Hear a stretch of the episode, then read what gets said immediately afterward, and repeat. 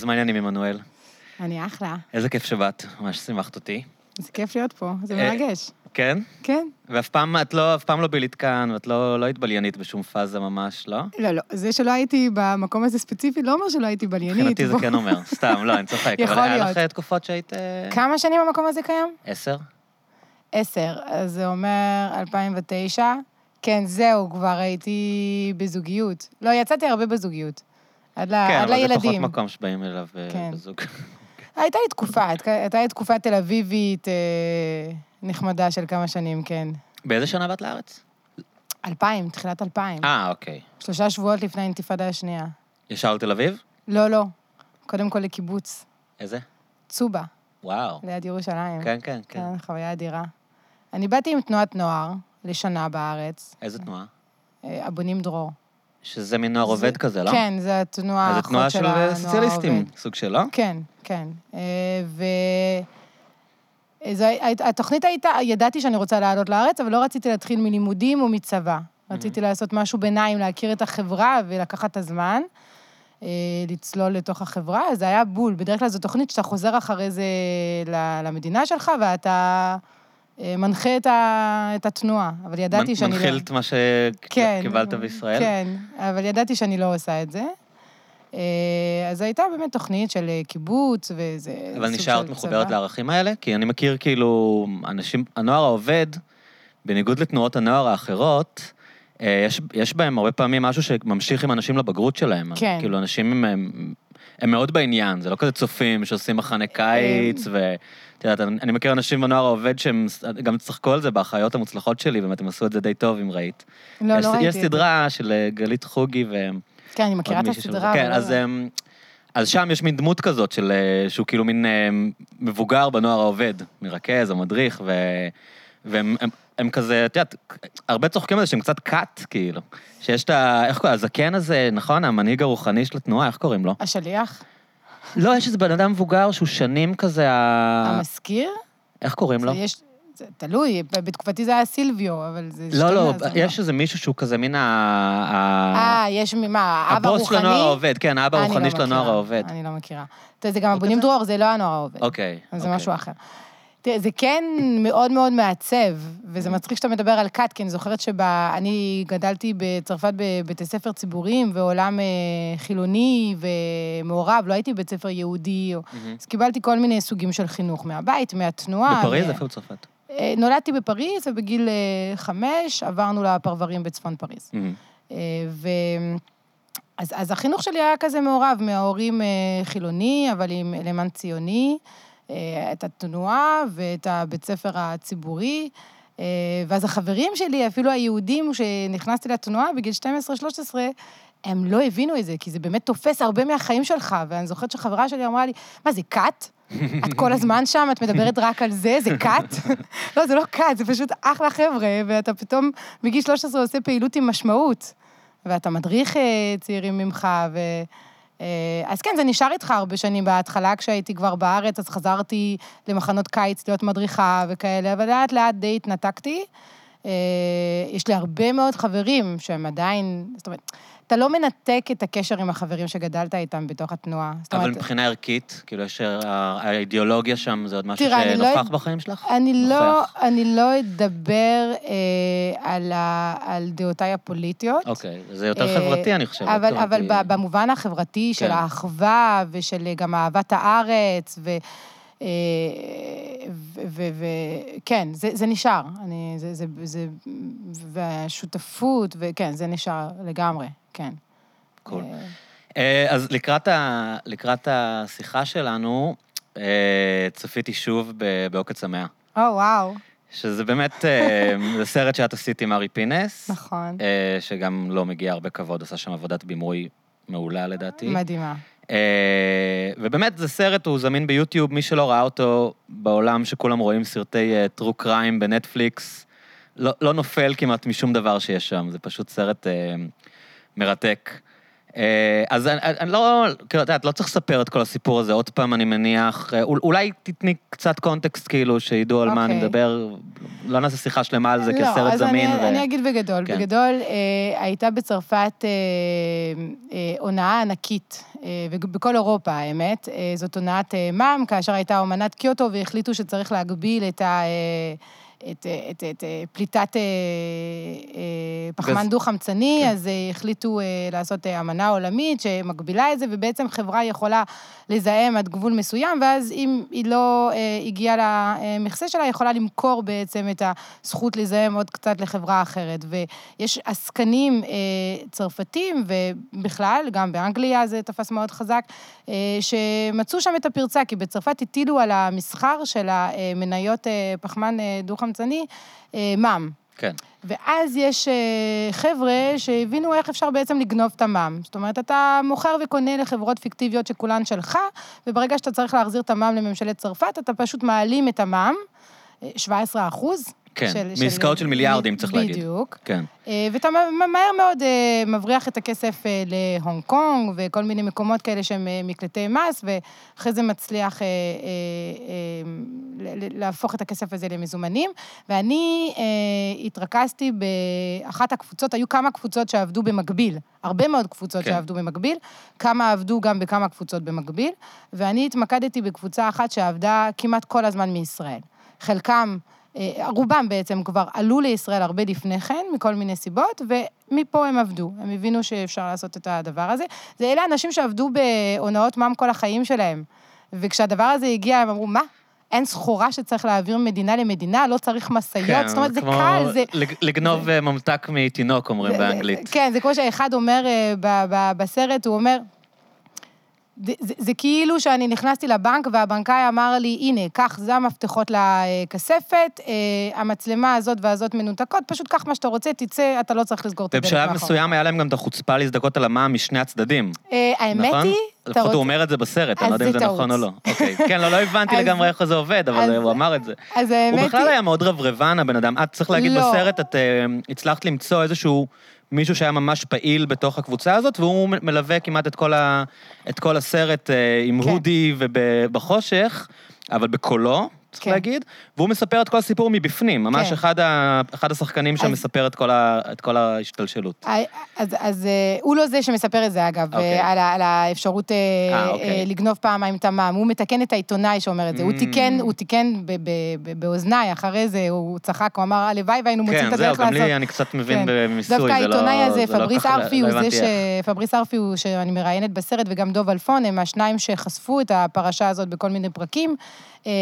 ומה שאני הבאתי לשם זה באמת אותו בחור עם אה, קפוצ'ון, קוראים לו יוד, אה, ויוד הוא, הוא היה חייל מבצע. Mm. זאת אומרת, אה, בקבוצה הזאת שהתמקדתי בה, התמקדנו בה, הוא היה זה שישב מול המחשב, וממש עשה את העסקאות. הוא הרים את כל העסק. אה, והוא ממש מספר איך כל הדבר הזה קרה. כן. עכשיו, למה הוא מדבר, וזה בעצם על זה הסרטים, זה שני סרטים מהעוקץ של המאה, הוא מדבר כי כל הסיפור הזה, יצאנו אליו בעקבות הרצח המסתורין של אה, ראש הקבוצה, היזם של כל העונה הזאת, שקוראים לו סמי סויד. כן. לא היזם של כל העונה בכלל של העוקץ המאה, כי היו כמה ראש קבוצות, אבל חוליה ראש החוליה, כן. זה ש... הם, הם אחת החוליות שהרוויחו הכי הרבה כסף. אנחנו מדברים על שמונה חודשים, בתוך שמונה חודשים, בגדול יש נגיד שלושה ראשים לקבוצה הזאת, והם הרוויחו, אה, הם גנבו כמעט שלוש, כן, 300 מיליון אה, וואו, יורו. וואו. 300 מיליון יורו בשמונה חודשים מקופת האוצר הצרפתי, וסך הכל נגנב מקופת האוצר הצרפתי, לפי הערכות, כי אין מספר אה, רשמי, יותר ממיליארד ארבע מאות מיליון, ומקופת ה, אה, מקופת אה, מדינות אירופה בכלל, משהו כמו ארבעה מיליארד, חמישה מיליארד. עכשיו, אז באמת, לא, לא, כאילו אני אתן לאנשים לראות את הסרט, לא נצלול לתוך הפרשה הזאת, שאחד ההיבטים היותר מעניינים בה שהקדשתם לו את החלק השני של הסרט, זה אותו ארנו מימרן, נכון. שקשור, תלוי לפי איזה גרסה, לראש הממשלה שלנו, והוא באמת דמות שנורא מוזר שעוד לא עשו עליו סרט אה, הוליוודי, כי הוא באמת... אה, עשו בצרפת עכשיו, אבל זה לא היה סרט כל כך מוצלח. אז אה, אולי אחרי זה עוד נדבר עליו קצת, אבל מה, ש, מה שאותי עניין, כי באמת זה כזה סרט מלפני שנתיים, אז יהיה מצחיק, את יודעת, לעשות עכשיו תוכנית שלמה על הפרשה הזאת שהיא מצ, מצדיקה. אני יכולה, אני מתה על. הסרט הזה. כן. אז, אז אולי אחרי זה נדבר על זה עוד קצת, אבל מה, ש, מה שאותי עניין בסיפור הבאמת משוגע לחלוטין הזה, זה ההיבט הזה של המהגרים היהודים בצרפת והקשר הישראלי. אוקיי. כלומר, אה, דרך הסרט הזה, שבאמת מתעסק בפרשת עוקץ, קוראים לה עוקץ המאה, ככה גם קוראים לסרט, אחת המטורפות שהיו בהיסטוריה, בטח הכי מטורפת שהייתה בצרפת וכנראה באירופה בכלל. אה, זה מספרים יותר גדולים ממיידוף, אני חושב, נכון? או לפחות בסדר גודל שלו. אתם כל הזמן הבאתם את הזווית הזאת של המהגרים היהודים בצרפת, המשפחות האלה שהגיעו מצפון אפריקה אה, לצרפת, הם בעצם כולם דור ראשון למהגרים, כן, כן. אה, אני- שגדלו במשפחות בשכונות מאוד קשות, הרבה מהם מצאו את הדרך שלהם אחרי זה לישראל. ואת, אה, בילדות שלך, הכרת אנשים כאלה? זאת אומרת, גדלת סביבם? לא, ממש לא. תראה, זה, זה נכון, כי בגלל שהסרט מתמקד בסמי סויד, האיש שנרצח ב-2010 Mhm. בלב פריז, ואחריו נרצחו עוד איזה ארבעה-חמישה אנשים שעד היום הרציחות לא פוענחו, והקשר בין כולם זה הכסף של, ה, של, ה, של ההונאה איכשהו, וארנו מימרן. כן. אה, אולי רגע תגידי מי זה ארנו מימרן, כי כבר זרקנו את השם שלו. ארנו מימרן היה, הוא אה, אה, צרפתי, יהודי, מצד אבא שלו, אני מציינת את זה כי כשכל החבורה הזאת אה, באיזשהו שלב אה, התחילה לחשוד בו שאולי הוא קשור לרצח של אה, בן המשפחה שלהם והחברים, אז הם פתאום התחילו לציין שהוא לא באמת יהודי, כי אימא שלו לא Mm, יהודייה. mm. כן, אבל לפני כן, כשהוא שם את העשרה מיליון לתוך ההונאה, הוא היה כדי בעצם יהודי להיות... ה- מעולה, הוא היה יהודי יהודי. מעולה, כן. שבעצם אה, הוא היה... הוא היה משקיע, הוא היה חוליה קטנה, הוא בעצם, כשהם התחילו את העונה, הם הבינו שהם צריכים מישהו שישים כסף. מישהו הביא את אה, ארנו מימרן, אמר, אני מכיר בחור שיש לו כסף והוא רוצה להשקיע, הוא גם מקושר לאנשים חשובים, משמע נתניהו. אבא של אשתו הוא מעשירי צרפת, יהודי.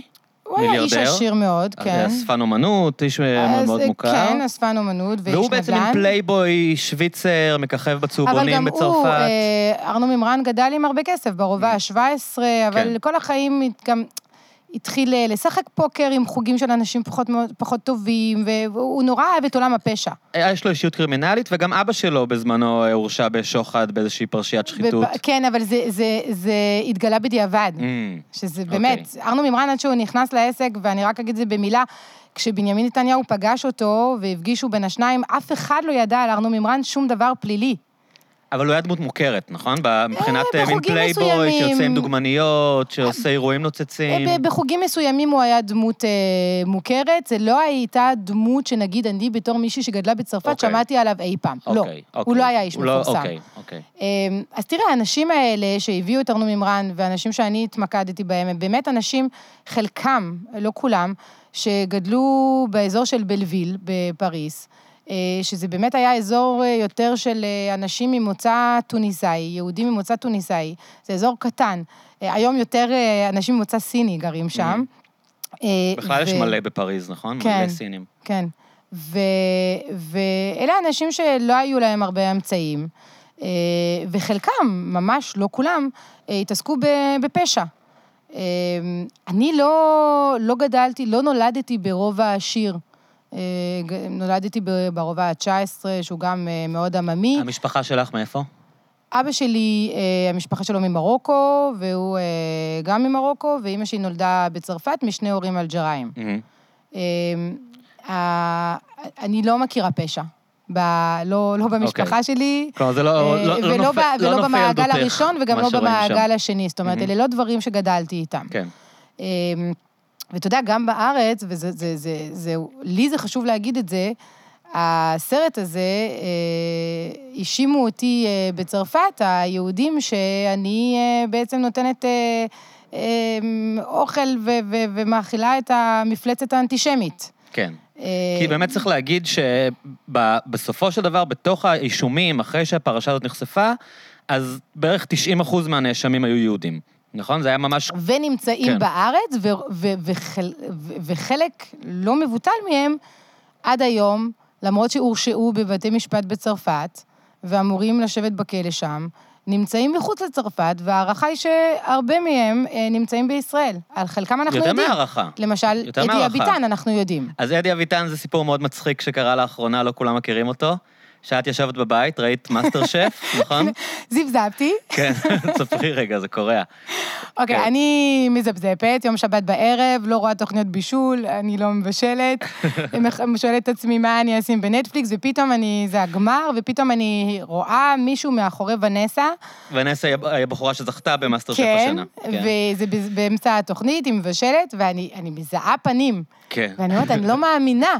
ואני בודקת, הייתכן, אה, ונדמה לי שאני מזהה, ואני חושבת שמדובר באדי אביטן. עכשיו, אדי אביטן, אני נחשפתי לשם שלו ולמעשים שלו באמת בתחקיר אה, של אה, העוקץ המאה. הוא, בת, הוא בתיקים, יש לי את ההרשאות שלו, קראתי מה בדיוק התפקיד שלו, היה להלבין את הכסף. הוא עבד עם שתי קבוצות, הוא הורשע פעמיים בצרפת לשש שנות מאסר. אה, ואז לא הכרתי את הפנים שלו, לא פגשתי אותו, לא דיברתי איתו אף פעם, הוא לא נכנס לסרט של העוקץ. דיברו איתי עליו, סיפרו לי, זאת אומרת, כן היה אה, שם שאני מכירה. אבל הפרצוף נחרט אצלך. הפרצוף לא הכרתי בזמן העוקץ. אוקיי. מה שקרה זה שלפני שנה בערך, מתן חודורוב כן. עשה אה, תחקיר באנליסט על איזה עסקת נדל"ן שהוקפאה בגלל Mm. שאחד המשקיעים שקנה 20 דירות באותו אה, בניין, אה, הורשע בצרפת במסגרת העוקץ. אז ואז מת- בעצם בנק ו- ישראל או הבנקים לא אישרו את הפרויקט? הבנקים הקפיאו את הפרויקט, בגלל חשד שהוא- להלבנת הון. כן. ומתן בא אליי במערכת ואומר לי, את שומעת, את עשית את העוקץ, אולי את שמעת את השם אדי אביטן? אמרתי לו, בטח. הוא אומר לי, אני אה, עושה היום אה, כתבה ואני מדבר אליו ואין לי שום ויזואליה שלו, אני, אין לי תמונה אחת שלו. אמרתי לו, מה הבעיה? גוגל. כן. עכשיו, לפעמים אנשים לא יודעים הוא שאתה יכול... עיתונאי, אני לא מבין. כן, אבל אוקיי, לפעמים, אמרתי, לפעמים אנשים לא יודעים אוקיי. שאם אתה מחפש בגוגל דוט images. קום, לא, דוט קום או דוט FR, זה לא נותן לך את אותה תוצאה. אה, אוקיי, יפה. אז חיפשתי בגוגל דוט FR. בגוגל, ברשת הצרפתית בעצם כן. של גוגל. אני לא מוצאת כלום. שום דבר. לא תמונה אחת, לא ויזואליה, מחפשת אה, דיווחים, כלום. השם שלו עולה, הפרצוף שלו, שום תמונה. אז הפעלתי כמה מקורות, ואנשים באמת שהכרתי, מקורות שעבדתי מולם אה, במסגרת העוקץ, עד ששלחו לי תמונות. באותן תמונות, אגב, מי היו... שלח לך? אנשים. אנשים ש... אה, מתוך האנשים שעבדתי איתם, מתוך המקורות שלך על הסרט? כן, אוקיי. מקורות, אתה יודע ש... אנשים שלאו דווקא רוצים בטובתו, נגיד, כי היה שם הרבה או בלאגנים בינם לבין לא, עצמם אחרי זה, דווקא אנשים נכון? שלא אכפת להם כל כך, גם אתה לא... אנשים יודעים לא לשאול יותר מדי שאלות. אתה פונה לכמה אנשים, אומר, תגיד, יש לך אביטן." תמונה של כן, אדי אביטן? אוקיי, אוקיי. עונים לך, לא עונים לך, יש מי ששולח, יש מי שאומר לך כן. לא. שלחו לי. אה, ואז, אגב, שלחו לי תמונה עם ונסה, אבל ונסה לא הייתה מוכרת, לא היא לא. לא הייתה עדיין, אה, לא, מאסטר לפני שף זה הרבה אוקיי, לפני מאסטר שף. אה, אז טשטשנו את, אה, את את אשתו. אה, ונסה וזה. ואז שאני רואה את מאסטר שף, בגלל שהכרתי את השם ובגלל שמתן עבד על כתבה ונאלצתי למצוא תמונות בשבילו, ושנחשפתי לפנים, אז כבר ידעתי לקשר בין השם לפנים, ואז זיהיתי את אדי אביטן מהדבר הזה. אז אה, כאילו יש בן אדם שבטוח שהוא הצליח להשאיר את העבר שלו מאחוריו, למרות שלא לגמרי, כי הבנתי שהוא בכלל לא יכול לצאת מהארץ, ויש לו כל הוא לא מיני יכול, הוא סיבוכים. מבוקש, הוא מבוקש בצרפת, אה, הוא מבוקש, יש צו מעצר נגדו. יש, אה, הוא, לפי הבדיקות שלנו, הוא מופיע במאגר של אינטרפול, זה אומר שאם הוא עובר את הגבול, אז אפשר לעצור אותו. אה, והוא בעצם אה, הורשע פעמיים, הוא אמור לפי אה, ממשלת אה, צרפת לשבת בכלא. אז, אבל עדיין הוא כאילו חי בישראל חיים אה, שבהם הוא בן אדם לגיטימי לכאורה, נדל"ניסט, עשיר, אשתו במאסטר שף, ופתאום כאילו את מסבכת אותו בתוך עניין כזה, ואת יודעת, הוא... זה הלחיץ אותך לרגע? חשבת כאילו, שיט, הבן אדם הזה כאילו... לא, לא כי, באותו כי רגע, דבר לא. שצריך להגיד, הסרט הזה, כאילו, מה ש... אחד הדברים שהסרט הזה מראה, שהם לכ- לכאורה הם כאילו אה, עב- עברייני צווארון לבן, עושים איזו הונאה פיננסית, אבל בעצם... הרבה מהם הם גנגסטרים לכל דבר ועניין, הם לא איזה אנשים עדינים אה, שמצאו איזה הונאה בנקאית, כאילו. אמרתי לך בהתחלה כן. שבפרק השני מתעסק בארבעה-חמישה מעשי רצח. כן, בדיוק. אז יש הרבה דם כן, בסיפור הזה. בדיוק. אה, אז באיזשהו מקום אמרת כאילו, אוקיי, אני לא רוצה להסתבך עם האיש הזה? לא, תראה, אני לא הלשנתי. יש אה, אנשים שיודעים שהם נמצאים בישראל, שאני יודעת שהם נמצאים בישראל, אה, ולא חושפים את עצמם, ולא תפקידי ללכת להלשין כן. ולהצביע עליהם. ברגע שהבן אדם שמורשע בצרפת פעמיים מופיע פריים בפריים טיים. הוא חשף את עצמו, לא אני חשפתי כן, אותו. אבל זה מצחיק, זה כאילו אינדיקציה לעד כמה הוא מרגיש ביטחון. את יודעת זה אינדיקציה גם כמה בעצם יש אה, אה, פגם בירוקרטי בין צרפת לישראל. אז, אז בואי רגע נדבר על זה, כי יש באמת את העניין של הסכמי הסגרה, ואת עשית על. זה סרט שלם, סדרה, כן, סדרה, נכון. שנקראת... בחדשות 13, שנקראת אה, נמלטים. אה, אני פשוט ראיתי את זה בשטנצח, ב- ב- ברצף, כאילו, ביוטיוב. כן, הפכנו את זה לסרט, כן. הפכתם את זה לסרט, כן. אוקיי, אז לא ידעתי שזה היה סדרת נכון. כתבות. זו הייתה סדרת של אה, ארבעה פרקים שהפכנו את זה לסרט, על- שלא על- מתעסקת בכלל בצרפתים, אגב. נכון, אבל לפני שכאילו נדבר, אולי נדבר קצת על, אה, על, על המדיניות המשונה שהייתה לאורך השנים לישראל בקשר להסכמי הסגרה, עם צרפת יש מקרה מאוד מיוחד, כי צרפת בעצמה לא מסגירה אף אחד. הרי אה, אנחנו כולם כן. מכירים את הסיפור של רומן פולנסקי, ששנים של כאילו... זיתוני. מה? של וזה- לי זה מה שבאתי. זהו, באתי להגיד, להגיע לסיפור של לי זייתוני, שפה, אז רגע, אני אגיד, רומן פולנסקי, אה, במאי הקולנוע האגדי שמבוקש בארצות הברית 40 שנה, וחי בצרפת כסלב, שלא להגיד אה, בן אלים, לגמרי. אה, ולא מעניין אותו כי הוא בצרפת. וכי צרפת פשוט לא מסגירה למדינות שמחוץ לאיחוד האירופי אזרחים צרפת שלה. לא מסגירה את אזרחיה, נקודה. נקודה. גם, נקודה. גם לא למדינות בתוך האיחוד? כן? צרפת אוקיי. לא מסגירה, אם אני לא טועה, צרפת לא מסגירה את אזרחיה, אז נקודה. מה שמצחיק, שכל הסיפור הזה של ישראל לא מסגירה לצרפת, עלה פה לכותרות עם החו... האנשים המגעילים, אין לי מילה, שדרסו את לי זייתוני אה, בפנקס. מי שלא זוכר את הסיפור, היו אה, שני אה, עבריינים, אפשר להגיד, צרפתים, ש...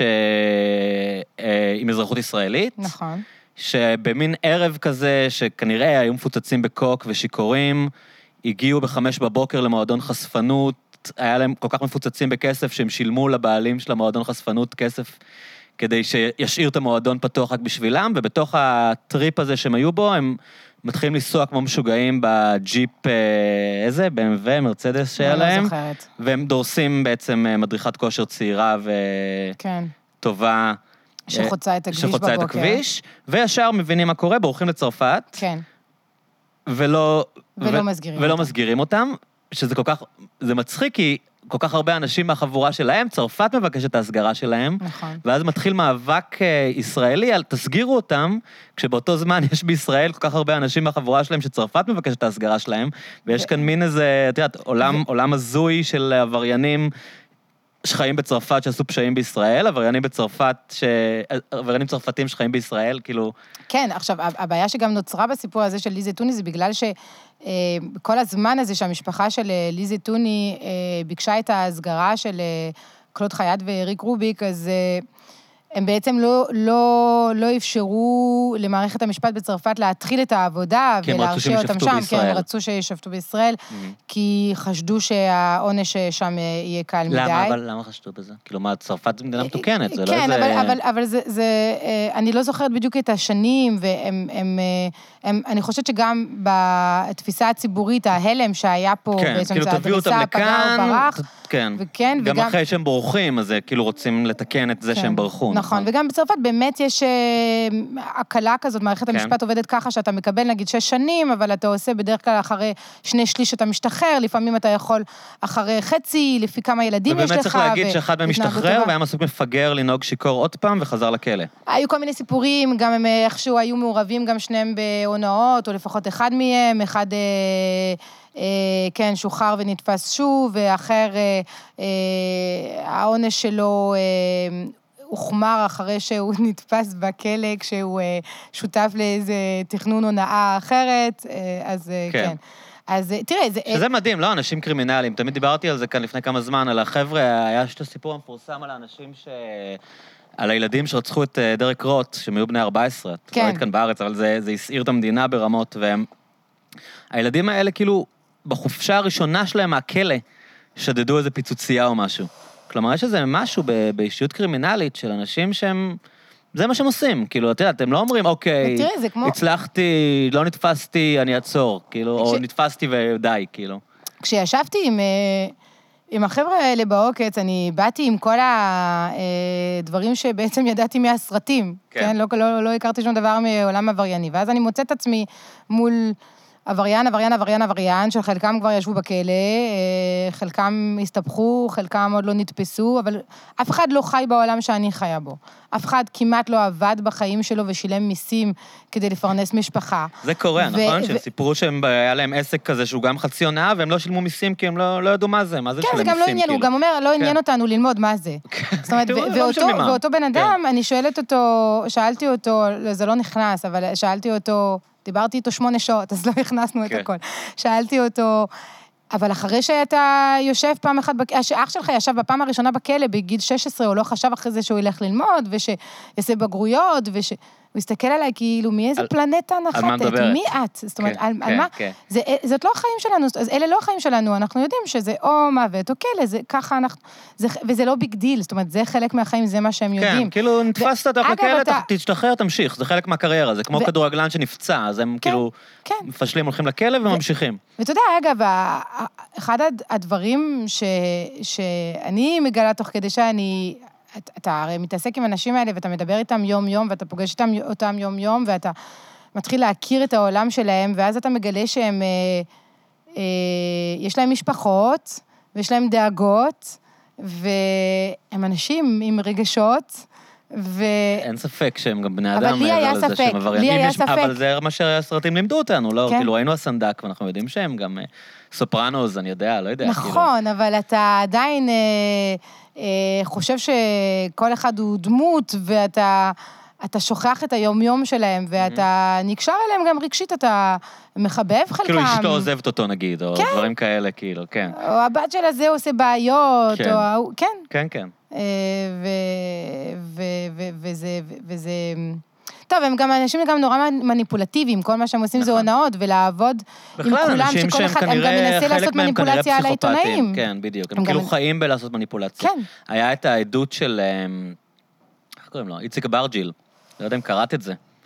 היה, הוא עכשיו, אה, הסיפורים שלו ממשיכים, כאילו, ועכשיו... אה, אה, לאחרונה, לפני איזה כן, חודש? לפני כמה חודשים הוא העיד בבית משפט ונתן שם פשוט הצגה כן. של, אה, כן. את יודעת, איזה יומיים עדות, וסיפר על כל ההרפתקאות שלו, ועל הילדות שלו, ועל תאילנד, ואת קולטת שהשופט והעיתונאים, וכולם מאופנתים כאילו, והבן הם אדם... שחקנים גם, הוא חלקם. משחק איתם, הוא פשוט משחק איתם. כן. ואיציק אברג'י, לא כולם יודעים, כאילו, הוא בן אדם שהיה בכלא באיזה גיל 15-16 על רצח, שהקלו אותו כי, כי הוא היה ילד. והוא הוא הופיע בדן שילון בתור איזה עבריין שרמנטי שקרא ספרים. אני לא ידעתי את זה. ורוצה להשתקם, והקסים, את יודעת, הקסים כזה בתקופה של דן שילון היה 90 אחוז רייטינג, וכולם אמרו, וואו, מי זה האיש המקסים הזה, והיו בטוחים שהוא איכשהו בטעות בכלא, ואחרי זה הוא הפך להיות מלך, מלך עולם הפשע הישראלי. כלומר, באמת, מה שאת אומרת, הכוח של האנשים האלה, המגנטיזם הזה, הכריזמה הזאת, שהם מפעילים כדי לצמוח בתוך הארגונים ולהיות ראשי ארגונים, אז הם, הם מפעילים על כל העולם, כאילו... כן. את, ה, את המניפולטיביות הזאת ואת הקסם האישי שלהם. כן, חלקם אנשים מאוד כריזמטיים, גם מאוד על סמי נחמדים. מהסרט שלך, מאוד מדברים עליו כל הזמן כדמות כריזמטית, אה, מאוד. מין אישיות כמעט נערצת כזאת אה, ממש. סביב כן, כן. האנשים שלו. כן, כן, חלקם אנשים מאוד כריזמטיים, מאוד מאוד נחמדים, מצחיקים. קסם אישי. כן. ובעוצמה שלהם גם, אה, תלוי כמה הם גבוהים בשרשרת, ה... בשרשרת עולם הפשע. יש לזה היררכיה, ו... ואנשים סביבם, כן, לחלוטין. אחת הנקודות המעניינות, הזכרת עכשיו את הסיפור של מתן חודורוב וכל מה שהיה עם, עם אדי אביטן, אדי אביטן? אדי אביטן. אדי כן. אביטן. אביטן או אביטן? בצרפתית אביטן. ובעברית אביטן. אביטן.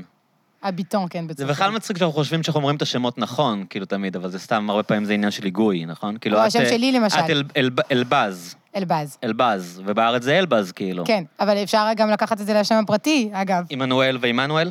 לא, עמנואל. כן. יש, יש אנשים שקוראים לי עמנואל, שאני מאוד לא אוהבת את זה. אני הקפדתי. כן, תודה, אוקיי. מעריכה. עמנואל, אבל בצרפתית זה לא עמנואל, אה? עמנואל.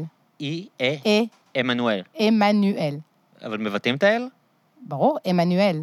כי זה שני אלים ואי בסוף? נכון. עמנואל. כי אני אישה, אם הייתי גבר זה היה רק אל. עמנואל אלבז.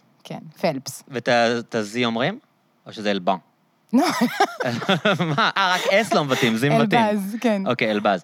אז. אה, עמנואל אלבז. פלפס. אתה חייב להוסיף את נכון, הפלפס. נכון. שבעלך הוא אמריקאי בכלל, נכון? אתם נשואים? אגב, תמיד אני שואל את זה כן, כן, אנשים אנחנו צעירים. נשואים, כן. כי היה לי, היו כאן כמה, אה, גם נשות תקשורת שהעזתי לשאול אותם אם נשואות, וזה ממש הצחיק אותם, כאילו, האפשרות שהם בכלל התחתנו, כאילו, עם, ה? עם האבות של הילדים שלהם. אז אתם אה, התחתנתם. אני נשואה ואני קוראת לו בעלי. כן, אין לי וואו. בעיה עם המונח. כן, זה רדיקלי כבר בקטע ההפוך. אז באמת הסיפור עם אדי אביטן, ש...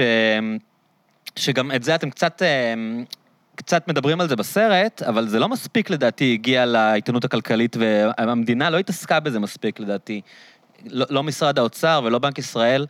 איפה הכסף? הטענה, לא, הטענה שאתם העליתם, כן, שזה קצת איפה הכסף, הטענה שאתם העליתם, ודוב אלפון העלה שם בסרט, ושבעצם הרבה מבועת הנדלן המשוגעת והבום הזה שהיה למחירים בתל אביב ובכלל ב- בישראל, נובע מהלבנה של כסף מהעוקץ הזה. כלומר, אני לפי קצת. לפי איך חולקת שזה- על הטענה הזאת. אז, אז אני יודעת שהיא נשמעת. קצת אני, מהסרט. אני קודם אציג אותה, כאילו כן. אומרים שיש בעצם לפחות מיליארד אירו בכסף שחור, שכמעט כולו הולבן בנדלן ישראלי, וזה אמ, זה חלק גדול מה, מהעלייה המשוגעת במחיר הנדלן שהייתה בתל אביב עד לפני שלוש-ארבע שנים, כן, כאילו. אז- אז- בעצם עד שהעוקץ נחשף. כן, כאילו. אז, אז צריך לח- לחלק את זה לכמה דברים. אוקיי. אה, קודם כל, אי אפשר לדבר על, אה, על אה, ישראל כמקום שבו יהודים שמים את הכסף רק במונחים של צרפתים. מהמם. זאת אומרת, אתה אבל חייב... אנחנו כן יודעים אבל שחלק יש הרבה גדול מאוד מהבועה... אמריקאים, הרבה מאוד אנשים אבל, אה, אבל מברית המועצות אני רק שנייה לשעבר. עוצר אותך, ידוע שחלק גדול מה...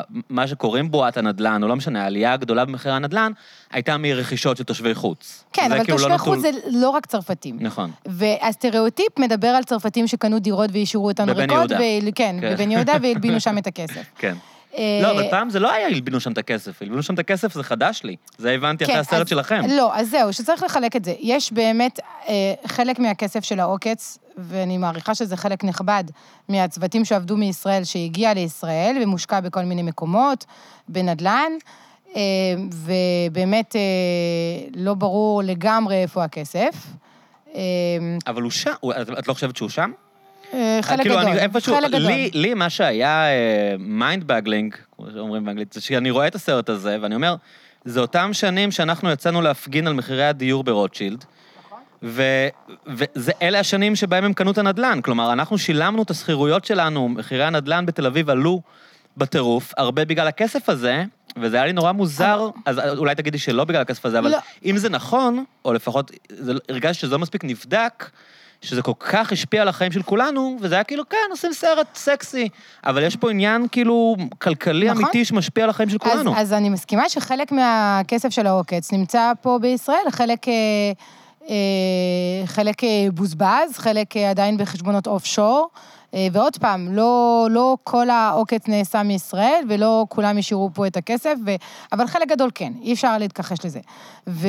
כלומר, אם השכר בנדל"ן. דירה שלי עלה בשלושת אלפים אבל- שקל, יכול להיות שהם אחראים אבל- לאלף. אבל יש גם אנשים שקנו פה דירות, אה, צרפתים ולא רק צרפתים, מהכסף שהם עשו, מהעבודה הלגיטימית שלהם נכון. בצרפת. לא, בבניין שלי ו- יש אה, ו- תושבי חוץ קנדים, ויש כל מיני מיליונרים אה, ו- בפיננסים. ו- ש- ו- ואלה לא עבריינים, ורוב גורף של הצרפתים שחיים בישראל הם לא עבריינים, הם לא אה, אנשים שהלבינו את הכסף שלהם, והם נורא נפגעים אוקיי, מהתדמית הזאת. אז זאת באמת הסתייגות שכבר הזכרת מקודם, כן. שחשוב לך להגיד, על העניין הזה של אנטישמיות, כאילו... לא, לא רק אנטישמיות, גם, גם, גם אנטישמיות זה בצרפת, אבל איך שאנחנו הסטיגמה. הישראלים מסתכלים על אבל אני לא חושב שאנשים הצרפתים חושבים על פה. צרפתים כמאפיונרים פה, זה לא היה הדימוי אף פעם. לא, הדימוי אבל- היה אבל כאילו הרבה- שהם באים עם הכסף שלהם בתקופה שאירו היה מאוד חזק, כן. והשקל היה פחות חלש, שזה מאוד השתנה בעשור האחרון, אבל בתקופה שהתחילה העלייה הגדולה מצרפת, היה אווירה של כאילו...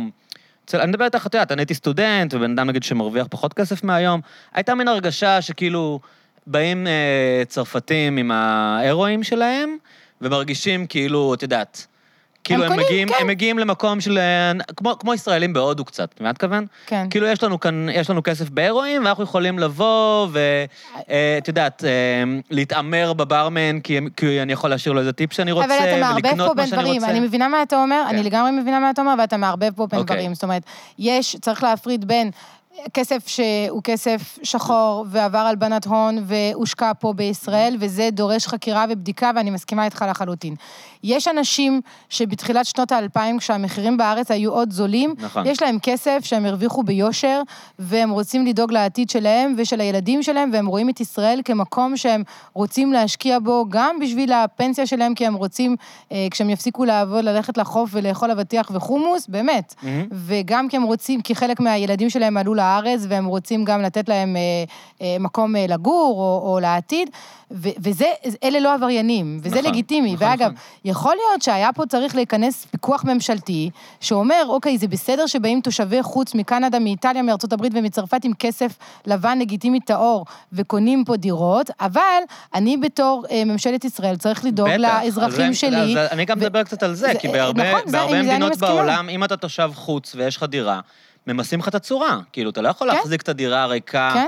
בשביל הביקור השנתי שלך בקיץ ולהעלות לכל התושבים המקומיים את השכר דירה. כאילו, יפה שאתה מיליונר, עזבי, בוא נעזוב את הצרפתים רגע. כן. יפה שאתה מיליונר ממונטריאול או טורונטו, וקנית לעצמך אה, דירת טריפלקס, שפעם הייתה שש דירות, שעומדת ריקה כל השנה, אבל אם, אם זה הבחירה שלך, בוא נמסה אותה לפחות. נכון, כאילו. אבל אתה יודע, יש גם את הרגולטור על... אה, את הרגולציה על אה, שכר דירה. אה, נגיד עכשיו בצרפת, ראשת עיריית פריס יצאה נגד Airbnb, והיא רוצה להגביל את.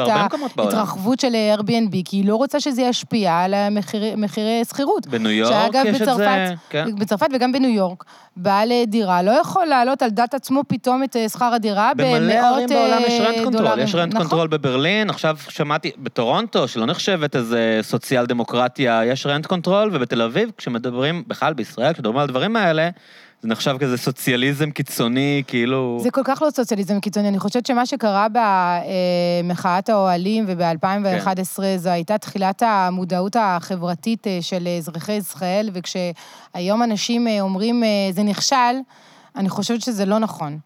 כי, כי אנחנו מדברים על זה. נכון. כי אם היינו נפגשים לפני 2011, לא היינו מדברים על זה.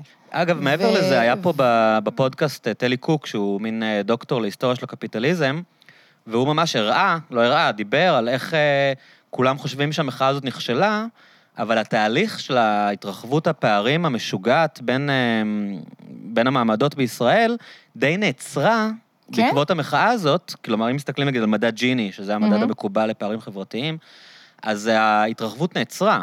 כי מה שקרה זה שהרבה מזה היה הקיצוץ הקיצוני שביבי הוביל אה, עוד כשר אוצר אה, בתשלומי העברה, ברווחה ובשירותים חברתיים. ומאחרי המחאה הזאת, שכולם חשבו שהיא הייתה מין פיאסקו וכישלון ונגמרה רק בשחרור של גלעד שליט, אה, הממשלה כבר לא ממהרת לחתוך בקצבאות, להוריד לאימהות חד-הוריות, אה, לחתוך כל מיני דברים, הוסיפו חינוך לגיל הרך מגיל שלוש. כלומר, דברים שבסוף כן, בטווח הארוך, משפיעים על הכיס של כולנו, כן קרו שם. ויותר ממה שהם קרו שם, הממשלה הרבה יותר נזהרת מלעשות עוד צעדים. ש- ולמה היא נזהרת? כי היום יש לנו מודעות, כי היום כן. האזרחים יוצאים לרחוב, כי היום הם דורשים. אה, ו... והשיח שלנו השתנה, הוא עובר מהביטחון והאיומים הקיומיים ל... לחיים עצמם, באמת. ואני חושבת שזאת ההצלחה של, ה... של המחאה. אבל זה משהו לא שדיברתי מספיק. עליו, דיברתי עליו כאן כבר כמה פעמים בפודקאסט, שעדיין אין, את- את- יש אנחנו כאן במערכת בחירות שלישית, אני לא מדבר איתך פוליטיקה, כי ביקשת שלא, אבל אנחנו אני לא אגיד את דעותיי, כן, לא, את לא כן. תגידי את דעותייך, אבל אה, את יכולה לחוות את דעתך על אה, תהליכים. כן. אה, אנחנו במערכת בחירות שלישית, תוך שנה, כן. ואין אין שיח אמיתי על נושאים כלכליים חברתיים. לא, זה לא מספיק, אני מסכימה איתך. זה לא מספיק, זה לא מספיק. אה, אנשים אומרים לי הרבה, תראי, הצרפתים יודעים להפגין. נכון? כאילו, הרבה נתנו את הדוגמה של מחאת האפודים נכון. הזוהרים הצהובים. או הצהובים, כן. הצהובים. ועכשיו אה, רפורמת הפנסיה, יש עכשיו שביתה ענקית בצרפת. אז אה, א', זה נכון. צריך לזכור גם שהצרפתים... יש מסורת. כן, יש מסורת. תראה, בוא, בוא נגיד את הדבר ה obvious, הם לא צריכים לדאוג לאיומים הביטחוניים, כן. הצרפתים, אוקיי? כן. וזה כן משפיע. כן. אז, אז הם הרבה מאוד זמן עסוקים באמת בלדאוג ללחם שלהם בסוף החודש. אבל בכל מקום בעולם שהוא לא. נכון, ישראל. נכון. אה, ואיגודי עובדים שהם נורא נורא חזקים. כן. אתה רואה עכשיו את אה, רפורמת הפנסיה, עוד לפני שהרפורמה הוצגה באופן אה, רשמי ושיודעים בדיוק מה יש ברפורמה הזאת שהממשלה רוצה להוביל, אז יצאו להפגנה המונית ולשביתה כללית. בתל אביב זה קורה רק עם החופים. כשמישהו רוצה איזה שינוי בחוף, אז כולם יוצאים לרחוב, כאילו... היה... מתי זה מחאת- קרה? מחאת השיפוץ בחוף בבוגרשוב, היה כל הפייסבוק, כאילו, בסוף אתה, אחרי איזה שנתיים, שהם אמרו, לוקחים לנו את החוף, אתה רואה שם, בנו איזה טריבונה ממש נחמדה על החוף, אוקיי. כאילו, אבל יש כאן דברים אחרים שאת רואה עכשיו עם האסדה ב... כן. אסדת לוויתן שם, או לא יודע איזה אסדה זאת, ב... בצפון השרון שם. ב... אז באמת, יש נושאים שהם נורא נוגעים לישראלים בלב, אבל איכשהו דברים כמו פנסיה, כאילו, ישראלים בכלל לא, זה לא בעיה שאנשים מודעים אליה, ש, שכל הפנסיה יכולה לקרוס כשהם יהיו בני... שאת יודעת, שהיום, לפי כל הטבלאות האקטואריות, נכון? לי זה ולך לא יהיה פנסיה, אותנו. כאילו, את יודעת, מצב וזה לא... החינוך שלנו. כן. זה שאנחנו בכל אה, דירוגים בינלאומיים אה, יורדים כל שנה אה, ברמה. אותי זה מדאיג באופן קיצוני. כן. אה, ולזה אנחנו צריכים לדאוג. אה, וכן, אנחנו, אני מסכימה איתך שאנחנו לא מספיק שם עדיין, אבל אני כן חושבת שהיה שינוי, ושהחשיבה שלנו קצת אה, עושה את שלה. אני מקווה שזה ימשיך ככה. אוקיי, אז רציתי לשאול אותך, כי קצת נגענו בזה ולא לא, לא התקדמנו לנקודה הזאת, כי את באמת גם עשית את זה, מאוד דאגת לסייג כל הזמן, שדיברנו על הקשר הישראלי-יהודי לעוקץ, ולזה שבאו אלייך מהקהילה הצרפתית ואמרו לך, אה, כן. what the fuck are you doing? אה, עם אדי אביטן, אחרי זה קיבלתי כל מיני הודעות, את קאפו, את לא פחות, אה, את לא, אבל את מה זה לא יותר התפיסה טובה היהודית הזאת? מהנאצים. אוקיי, אז לפני שאני אשאל את השאלה הזאת, יש את התפיסה היהודית הזאת של כאילו מותר לגנוב מהגויים. את יודעת, אני כאילו ראיתי... זה נכון. ראיתי את ה... זה נכון שיש את התפיסה הזאת, לא זה נכון זה, שאפשר אבל חלק את זה. מהמרואיינים שלך בסרט. קצת מדברים על זה. כאילו, מה אתה. רוצה? אנחנו גונבים מהגויים, וגם יש את הדבר הנורא מדהים הזה. הם גם אומרים, אנחנו גונבים מממשלה. ש, ש, והוא אמר גם דבר כל כך מופרך, המרואיין שלך, של כאילו, לא, זה ממשלת צרפת, הם יכולים לקחת עוד אג"ח, זה לא משנה, כאילו, את יודעת, כן, הם גם ככה ב- בגירעון כל שנה, מה זה משנה, מדהים. כן. שזה, שזה משהו נורא יפה, ש, שבאמת בסנדק אחד, זה קורה נורא יפה שמייקל קורליאונה מסביר לדיין קיטון, איך שקוראים לה שם, שהיא אומרת לו, אבא שלך רוצח אנשים, ואז הוא אומר לה, גם סנטורים ונשיאים רוצחים אנשים. כאילו יש את העניין הזה של עבריינים, של... הם עדיין צריכים לסדר לעצמם את החיים ולהסביר לעצמם שהם בסדר. הם לא יכולים, כאילו, יש רובם... להם קוד כלשהו. רובם, אבל הם גם, איכשהו הם כאילו יכולים למצוא הצדקה על הצדקה כן. על הצדקה, על כאילו, אתה חושב שאני גנב? הבנקאים בוול סטריט, הם הגנבים האמיתיים. נכון. הוא כזה קצת אומר את זה, המרואיין שלך שם, אני נכון? יכולה להגיד משהו על הסנדק, כן. אישי אחר לחלוטין, שלא ראית שלא אותו, עונה לך על. לא, אני אגיד לך למה ראיתי אותו. כן. כי אבא שלי שרוף על הסנדק ברמה של ראה את כל הסרטים כי זה בלוב, הסרט הכי ואז... טוב בכל הזמנים. ברור, ואז כן. קרא את, את הספר, את התסריט של ואז הספר. הוא אמר שהסרט חרא, עוד נכון? פעם, עוד פעם, עוד פעם. לא, מה פתאום? לא, כי יש הרבה אנשים שקוראים את הספר ואומרים הסרט חרא, ואני אומר להם, לא, לא, הדבר לא, היחידי לא, לא. שהוכחת זה שספרים הם יותר טובים מסרטים. כי אין, אין סרט יותר טוב. אז אם אפילו הספר של הסנדק, שבשום פרמטר לא נחשב הספר הכי טוב בכל הזמנים, יותר טוב מהסרט הכי טוב בכל הזמנים, אז אתה בסך הכל אומר שספרים זה יותר טוב מסרטים, כאילו. אני אוהבת הניתוח הזה. כן. אז, אה, אז לא, אז באיזשהו, באיזשהו שלב בחיים שלי, אה, יחסית אה, מבוגר, גיל 14-15, הבנתי שאם אני לא אצפה בכל הסרטים של הסנדק, Mm. אני לא אזכה בכבוד וההערכה את והאהבה של ממש אבא לא שלי עד לראות, הסוף. אגב. השלישי הוא לא קשור מבחינתי. הוא אחלה, כאילו, הרבה יורדים עליו, כי הראשונים כאלה מופתיעים, אבל את יודעת, אחד ושתיים, כאילו, זה היה... כן, אבל בסוף, אה, בשביל אה, לזכות אה, באהבה של אבא אבא שלך? שלי עד אז ראית גם את הסוף, שלוש? אז ראיתי את כל הסרטים, כן. וזה באמת, עד היום אומר, יש בזה הכל. יש בזה, יש בזה הכל. אני באמת כבוד, חושב שקולנועית זה הסרטים הכי טובים אה, בכל זה- הזמנים זה- אולי. כל הקודים, כל החוקים, יש כן. בזה הכל. זאת כן. אומרת, מבחינתו, זה מסביר לך את החיים.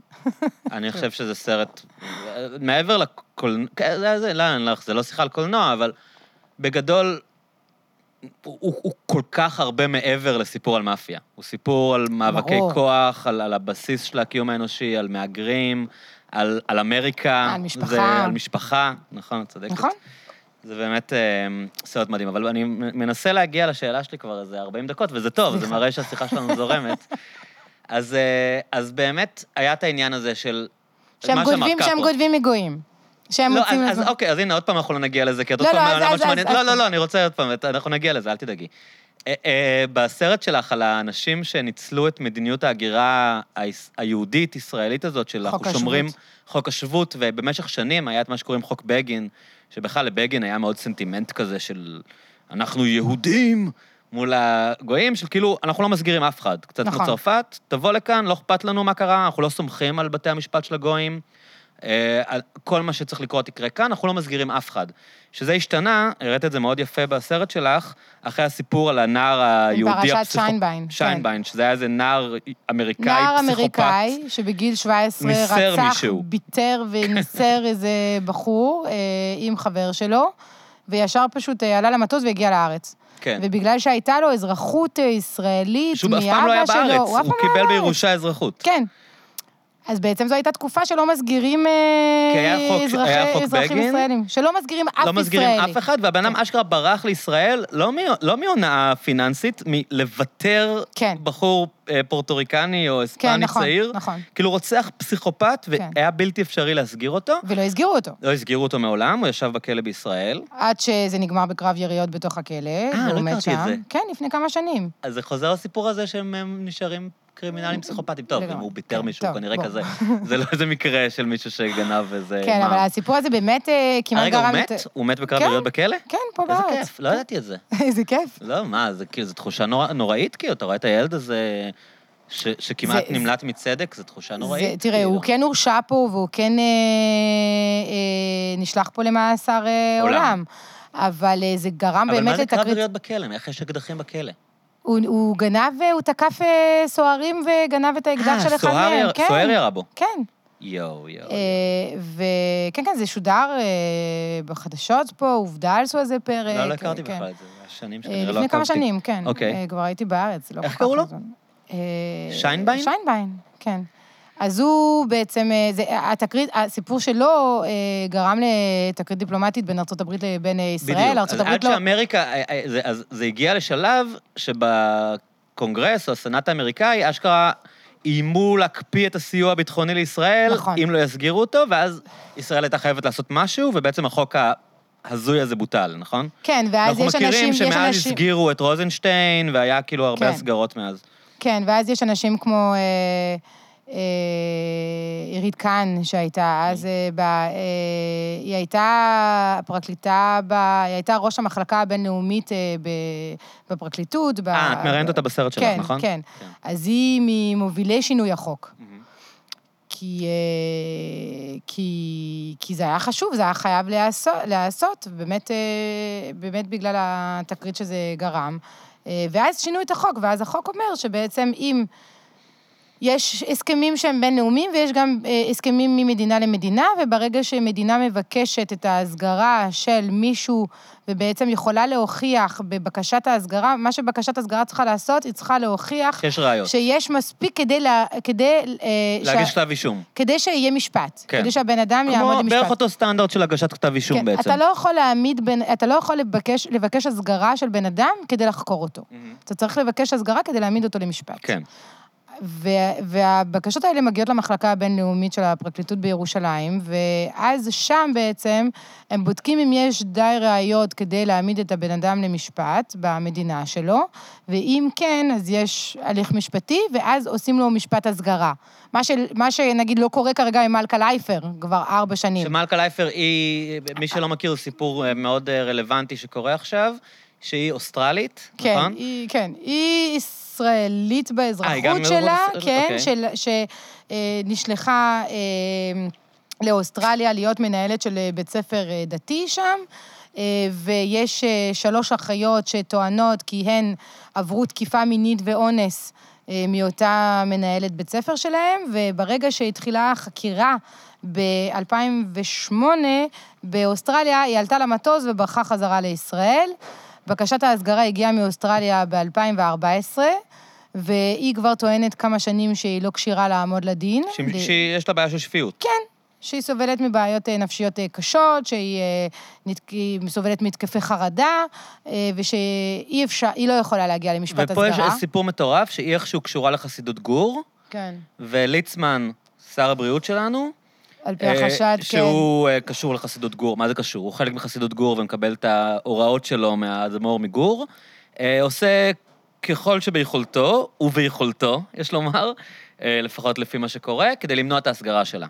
לפי, אני חושבת שהוגש כתב אישום, אם אני לא טועה, אז אה, לפי, על, על פי החשד, הוא השפיע על אה, אה, פסיכיאטרים שנתנו חוות דעת, כדי שישנו את אה, חוות אה, הדעת שלהם בעניין של מלכה לייפר. ויש מקרים הזויים לגמרי, שהיה דיון בבית משפט, ולא הגיעו הפסיכיאטרים לתת עדות, והם אמרו שהם לא, שכחו. לא, לא, כאילו- זה, אבל זה לא מדויק, אז מה, אז זה לא לי. מדויק. זה קרה ממש אוקיי. לפני שבועיים, כן. משהו כזה, לא מזמן. אה, היה פאנל של פסיכיאטרים שהיה אמור להעב- להעביר בעצם, להגיש חוות דעת לבית משפט, לדיון שהיה באמת בעניין הזה, אם כן או לא היא כשירה לעמוד לדין, וחוות הדעת לא הגיעה. הם, הם, זה לא שהם שכחו מהדיון, אבל הם כן שכחו, לא יודעת מה אבל קרה ככה בדיוק. זה הוצג בתקשורת, נכון? כן, אבל אחרי זה זה לא תיקנו את נכון? זה, תיקנו אוקיי. את זה. מה שקרה זה שהם לא העבירו את, את חוות הדעת, לא ברור. הם אמרו, אחרי זה, כשפ- כשפנתה השופטת אליהם ושאלה איפה חוות דעת, הם אמרו, היא לא מוכנה, אנחנו צריכים דחייה של חודש. Mm. אז זה אמור לקרות עוד חודש, בינואר, יסגירו פחות אותה מחודש. בסוף, לא? זה די ברור שיסגירו אותה, לא? אה, דרך, תראה, האוסטרלים לא, לא יניחו. כן. זה, זה, עלה, זה עלה עד לפרלמנט האוסטרלי, וזה יצא מזמן מהחוגים של הקהילה היהודית באוסטרליה. זה אה, הייתה משלחת של אה, פרלמנטרים ומחוקקים אוסטרלים שהגיעו לארץ, והם העלו את הנושא הזה גם לפני בנימין נתניהו וגם אה, לפני בני גנץ, והם ביקשו התחייבויות שהמשפט הזה יתנהל ושיסגירו לא אותה. תהיה ברירה בסוף. זאת אומרת, שזה גם מצחיק, נכון? כי בסוף, כאילו, אנחנו רואים את הדינמיקה של כוח. כי כאילו, אוס- אוסטרליה היא אחלה, אבל זה לא ארצות הברית. כאילו, כנראה שאם זה היה יש ממשלת. ארצות הברית, היו מסגירים אותה כבר, לא?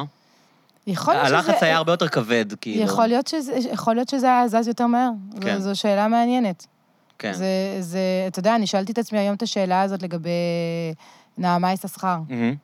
שב- שברוסיה. ב- ש, שברוסיה כן. אה, הורשעה לשבע וחצי אה, שנות מאסר בגלל... אה, היא כבר הורשעה? חשבתי שהמשפט מתקיים עדיין. היא מואשמת בשבע, מבקשים שבע וחצי. הם מבקשים, אבל היה ערעור, ולפני יומיים לא, אבל היא כבר קבעו הורשעה לשבע וחצי שנים? אני לא לגמרי מכיר את זה. אני חושב שהמשפט עדיין מתקיים, לא? או שאולי אני לא... לא, אני חושבת כן? ש... את יודעת יותר טוב אני. אני חושבת, אני לא רוצה לטעות, אבל תראה, אוקיי. אני כן יודעת שהיה ערעור עכשיו מהמם. במשפט שלה, ועדיין גזר הדין היה שבע וחצי שנים. fuck. אם מי שלא מכיר את הסיפור, דיברנו עליו כאן אה, בפודקאסט כבר. אה, היא הגיעה בטיסת connection, יש נכון. לומר, מהודו לישראל דרך רוסיה, כשהביאה איתה קצת weed. מה, ארבע גרם? אני לא יודעת כמה, ואגב, צריך כן. לציין שהיא מכחישה שהסמים שלה, היא לא טוב, מכירה את הסמים. האלה. לא, אני לא יודעת אחרת. אני לא יודעת אחרת. כן, אבל נגיד שהיא כן אני- הביאה אותם. לא, אבל לא נגיד שהיא כן הביאה... לא, אבל? לא נגיד את זה. למה? כי אתה לא יודע להגיד את לא, זה. אני אומר, אני לא יודעת לא, להגיד אני את זה, והיא, והיא, לא, אני והיא כדי ההגנה שלה. להבין, רק כדי להבין כמה המקרה הזה הזוי. אבל אין אני אומר, צורך להגיד את זה. נגיד, נניח שהיא כן הביאה אותם. לא, אבל אין צורך להגיד את זה. אוקיי. כי היא אומרת לך, היה אה, חשיש בתיק שלי, כן. זה התיק שלי, אני לא יודעת איך החשיש הגיע לשם, ואני לא תכננתי להיכנס לרוסיה בשום, נכון. ב, בשום נכון. שלב. עצרו אותה במעבר טיס- בין טיסות, כן, ב connection. כן, בשדה תעופה. בכלל לא כן. ידעתי שכאילו נכון. בודקים שם, כן, אוקיי. והיא קיבלה על זה שבע וחצי שנים, מטורף. גם אחרי הערעור. שהטענה היא שזה פוליטי בעצם. כן, בגלל שהיה האקר רוסי שהיה אה, פה בארץ, ושהאמריקאים ביקשו את ההסגרה שלו, ש- והרוסים... שריגל לטובת ה-CIA או ה-NSA או whatever, פי לטענת החשד, הרוסים. על פי החשד, לטענת כן. הרוסים. כן. יש לו אזרחות גם רוסית וגם אמריקאית, הרוסים ביקשו את ההסגרה שלו, האמריקאים ביקשו את ההסגרה שלו. שזה עוד ה- פעם חוזר למשחקי כוח כן. האלה. אה, והוא הוסגר לארצות הברית. אה, וכן, ההערכה היא שבעצם הרוסים רצו את אה, אותו האקר לחץ. בתמו- תמורת אה, נעמה. זה אומר שהיה... טוב, זה, כמו כל מה שקורה ברוסיה, ההחלטה היא בידי פוטין. אה, כן, זאת אומרת, אנחנו לא. מאמינים שיש שם באמת אה, מוסדות משפט שפועלים באופן אובייקטיבי. אנחנו. יכולים להניח שאם פוטין נתן את ההוראה לבית משפט בבוקר שלא משנה מה, אתם לא משחררים אותה, אז לא משחררים אותה. אה, גם אם השופטים רצו לעשות אחרת. אז השאלה היא, כמה אנשים פה במדינה שלנו מוכנים לעבוד קשה כדי לשחרר אותה? כמה לחץ? שזאת שאלה מאוד טובה, שאני בפודקאסט אה, עם לאה לב, היא די, היא די שכנעה אותי. כי אני הבאתי בגישה הטיפה הצינית של כאילו... זאת יודעת, ילדה אבלה, הביא- עשתה את הטעות של להביא סמים מהודו דרך רוסיה, כאילו, נראה לי שאני לא הייתי עושה את זה, אני, אני גם לא מעשן סמים, אבל נגיד שהייתי, אז אה, לא הייתי עושה את זה. אה, או נגיד רוב האנשים הבוגרים, האינטליגנטים היו אומרים כאילו, what the fuck, כאילו, אני אקנה סמים בארץ, בטלגראס, מה אני עושה כאילו, ועכשיו היא הסתבכה בגלל הטעות שלה, וזה צריכה להיות עכשיו בעיה שלי. אני, כאילו, אנשים, את יודעת, כן, אבל כאילו, זה עוד פעם, אתה אומר, לאומי. היא הביאה את הסמים. אני אומרת, אני לא יודעת שהיא הביאה את הסמים שהסמים שלה. אוקיי, אבל דווקא רוב האנשים אומרים, נגיד שהיא הביאה, שזה לא אהבתי מקודם, אמרתי נגיד שהיא הביאה. עדיין, כאילו, אין ספק שהיא מקרה שנטפלו אליה. ואנחנו כמדינה, יש לנו איזושהי אחריות קולקטיבית לדאוג לכל האזרחים שלנו, גם כשהם מטיילים בעולם ונופלים קורבן לקנוניות כאלה, שאגב, לפי גם מה שאת אומרת, הן קשורות למדיניות של הממשלה. כלומר, אם הממשלה החליטה להסגיר את האקר הרוסי, וזה בעצם מין משחק כזה בין שירותי מודיעין, לא, כי זה כבר אז היא עניין- נפלה היא- קורבן לא, כאן כי ב- למשהו שהוא הרבה מעבר לטעות הקטנה שלה של אה, להביא איתה קצת וויד אני- בתיק. כי, כי, לא, לא, רגע, בישראל, ישראל הסגירה את האקר הרוסי לארצות הברית ולא לרוסיה. אני לא לגמרי מעורה במתי הגיעה בקשת ההסגרה מרוסיה, מתי הגיעה מארצות הברית, אבל בישראל יש מערכת משפט שעובדת לפי חוקים עצמאיים מאוד ברורים, והיא... אה, את לא חושבת שישראל הושפעה מזה של עדיף לא להתעסק עם האמריקאים מאשר לא להתעסק עם הרוסים? אני לא חושבת. אני אה. לא יודעת בדיוק, אני לא מעורה בפרטים של התיק, אבל אני לא חושבת. אוקיי. אה, אני כן יודעת שיש אה, מקרה של בקשות הסגרה שמגיעות מרוסיה או ממדינות אחרות מברית המועצות לשעבר, שהם כן, אפשר לזהות בהם איזה מוטיב פוליטי, ואז ישראל אה, תדאג ש, שהדבר הזה לא יקרה. בכלל פוטין משחק משחק שכאילו הישראלים לא רגילים אליו, נכון? עכשיו היה את הסיפור הזה, ישראל באופן קבוע, בכלל, אנחנו יודעים שישראל היא המדינה עם אחת מ... המדיניות הכי מקשיחה בכניסה ויציאה מהמדינה. כן. כאילו, אני מכיר את זה אפילו מתקופות שניסיתי להביא די-ג'אים לתקלט כאן, ואנשים שמנגנים בכל העולם, את יודעת, מה שהם עוברים באימיגריישן, במשטרת הגבולות בישראל, הם לא חוו אנשים שהיו בכל העולם, המדיניות כאן מאוד קשוחה, ובמשך שנים אה, ישראל הייתה מאוד קשוחה לרוסים. כי באמת יש הרבה מהגרי עבודה, ויש הרבה אנשים שמגיעים כתיירים ובאים לעבוד, וישראל כאילו לא רואה ממטר, פשוט לא מכניסה. אנשים יכולים להיתקע בשדה תעופה כן. כמה ימים, וזורקים אותם בחזרה לרוסיה, ועכשיו פוטין אמר כאילו, כנראה פוטין, אמר די, נעשה אותו דבר. נעשה אותו דבר, וישראל בהלם, כאילו, שמישהו משחק את המשחק הזה בחזרה איתם. כאילו, הוא קצת מערער על איך שאנחנו... כן, יש אה, מין תחושה כזאת שהסירו את הכפפות. כן. נכון? אני חושבת, אני מזהה את זה גם הרבה מאוד עם עידן טראמפ. אה, פעם השפה הדיפלומטית הייתה שפה עם קודים, יש דברים שאתה אומר, יש דברים שאתה אומר בחדרים סגורים, נכון. אה, וזה השתנה. כן, הכל על כל אה, פני השטח. זה, זה, זה כמעט כזאת, שפת הרחוב הפכה להיות... אם אה, דיפלומטיה הייתה מן האומנות הזאת של לשקר, להיות אלגנטיים, להיות זה, היום זה כאילו fuck this, את יודעת. כן, כן. לא מכניס אותך, מה תעשה? נכון. כן. אתה יודע, אני עבדתי בשגרירות צרפת אה, כמעט אוקיי, אז שנתיים. היית דיפלומטית. אה, לא, לא של. בדיוק, אה, הייתי נספחת תקשורת שגרירות ב... ישראל בצרפת. שגרירות צרפת בישראל. אה, אה, כאזרחית צרפתית? כן. אוקיי. עזבתי את חדשות אה, 10 ב-2014, והלכתי לעבוד בשגרירות צרפת, ואחרי שגרירות צרפת אה, חזרתי לעיתונות, ובאמת אז עשיתי את הסרט של העוקץ. מהמם. אמ, ובתקופה הזאת באמת הייתה חשיפה לעולם עם קודים שאני לא מכירה. שדיפלומטים מדברים בצורה מסוימת, לשגריר אתה ניגש בצורה מסוימת, ואני באה עם הצרפתיות שלי והנימוסים, אבל אני גם באה עם החוצפה הישראלית, כשהשגריר בחדר וזורק איזה רעיון מופרך אין סיכוי להגיד לו מה אירוע, אתה מקשקש. אז כל הדיפלומטים אומרים לו, תשמע, אדוני השגריר, צריך לחשוב איך נבצע את זה, אולי זה רעיון טוב. ואז זה מגיע לתור שלי, ואני הלא דיפלומטית היחידה, שלא כפופה גם לציונים שהוא נותן בדוח בסוף השנה כדי להתקדם ואת גם לא במשרד רוצה החוץ קריירה הצרפתי. דיפלומטית, אז לא אכפת לך. בדיוק. כן. ואז אני מסתכלת עליו ואומרת לו, מה זה הרעיון הזה? מאיפה אתה מביא דבר כזה? איך אתה חושב שזה יעבוד? מה פתאום? אתה לא מחובר. כן, ואז אתה גם מגלה שהשגריר הוא בן אדם אה, אה, עם מלא חוש הומור, והוא מעריך שמדי פעם אומרים לו את האמת. אז אה, כן, אבל זה, זה, יש הרגשה אבל שהשפה ישראל היא מין מובילה. כזאת בשבירת הקודים, לא? כאילו, זה נראה ש... אה, את אמרת שלא רוצה לדבר פוליטיקה והדעות שלך, אבל זה נראה כאילו נתניהו אה, מין כזה תמיד בודק את הגבולות, ומאז שטראמפ, שהוא באמת נשיא שכאילו לא מתייחס לחוקים בשום רמה, אז גם בישראל כאילו אומרים, אה, אוקיי, החוקים, כאילו ישראל, ישראל הפנימה לפני מדינות אחרות שאנחנו במשחק חדש, משחק לא, שבו דווקא חושבת- מותר להגיד דברים שאסור, שפעם היה אסור.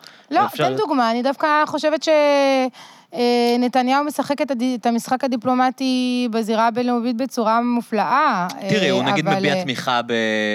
במועמדים במרוצים אה, במדינות. את יודעת, הוא לא, הוא לא הסתיר שהוא תמך בבוריס ג'ונסון עכשיו. פעם אנשים היו מאוד נזהרים בקוד הזה של אנחנו לא מתערבים בפוליטיקה פנימית של מדיניות. וביבי יכול להגיד הוא בכל... התבטא בזמן הקמפיין? אני חושב שזה היה די ברור שישראל כי ישראל תומכת בבוריס ג'ונסון. אני לא, אני לא זוכרת שראיתי, אבל נת- נתניהו אפילו בטראמפ, התבטא את יודעת, בזמן, אפילו בזמן בטראמפ, הקמפיין. אפילו בטראמפ מול הילרי. כן, לא, זה, זה, זה, כן. זה, זה נכון, אבל... פעם אבל... ראש ממשלה ישראלי לא היה מעז להתערב בבחירות, אה, את יודעת, עזבי, המקרה הכי קיצוני, שהוא הלך לקונגרס לדבר נכון, נגד אובמה. נכון, כאילו, אה, נכון. לא היה ראש ממשלה לפני שעשה דבר כזה. עוד נכון. לפני שטראמפ נבחר, זה, כאילו. זה נכון, זה נכון. שהוא אפשר לעצמו בעצם להגיד, אוקיי, זה הקהל שלי, אני אלך ולא משנה מה. אה, כן. ואני, אבל, אבל, הכוונה שלי הייתה בשפה. כן, השפה הדיפלומטית עם הבוטות. טראמפ היא כבר הבוטות. זה, כן. אתה יודע, זה... האיש הזה מדבר, ו, ו, ואתה אומר לעצמך, אבל... אתה יודע, אם פעם הייתי אומרת לילדים שלי, תעבדו קשה ויום אחד תוכלו להיות מנהיגי העולם, אני כבר לא בטוחה שזאת כן. השאיפה שלי בשבילם. כן, תהיה איזה עובד סוציאלי ותעזור בפינה שלך, ואז... כן, תהיה בן אדם תתעסק טוב, בחרא תהיה כאילו. אומן, תהיה, כן. כן, תהיה מאושר, אבל אה, לא כן, הרבה. מדברים על זה, שהבעיה היא באמת כאן הדוגמה האישית, כאילו, מעבר למה שהוא עושה או לא עושה בפועל, כאילו... הנה מצית רגע. אה, תודה. כן. אמ, מה, אנחנו בשיחה מאוד אה, פוליטית, לא, אנחנו אה, נעבור לזה לנושאים יותר אה, כלילים, למרות. שהאמת שאני רציתי לדבר משהו יותר כבד קצת, אבל אולי תביא אנחנו. אחרי זה נגיע למשהו יותר קל. אז אני, אה, בסוף אני מצליח להגיע לזה עכשיו, שהאשימו אותך בעצם בזה שאת עוזרת לאנטישמיות, או לא משנה, נותנת, אה, נותנת בשר, נותנת כלים לאנטישמים לעבוד איתם. בזה שאת חושפת את אה, אדי אביטן, או, או מראה את הדברים האלה, שכאילו הקהילה, הצרפ... הקהילה היהודית בצרפת היא קצת כן. תחת מגננה, אה, והעניין הזה של העוקץ, עוקץ המאה לא עזר להם, אפשר נכון, להגיד, כאילו. נכון. אז ספרי לי טיפה על זה, תראה, כאילו, לקחו בכלל. למשל את הסרט שלו, קץ המאה, אה, כן. חוגים של אה, ניאו-נאצים אה, צרפתים, לקחו את הסרט, חתכו משם אה, כל מיני קטעים, ו... עשו קליפים ביוטיוב כאלה? ועשו קליפים ביוטיוב של המאפיה הישראלית, ואני ניסיתי להוריד את זה מהיוטיוב, ולא הצלחתי. עשית ריפורטים כאלה? וכן, וזה מבאס מאוד. זה מבאס מאוד ש... אה, אפילו התכתבתי עם חלקם. עד כמה אנטישמיות בצרפת היא עניין רציני? כאילו, הרבה דיברו על זה בזמנו שהתחיל הגל העלייה הגדול שנות האלפיים, שזה קשור לאנטישמיות.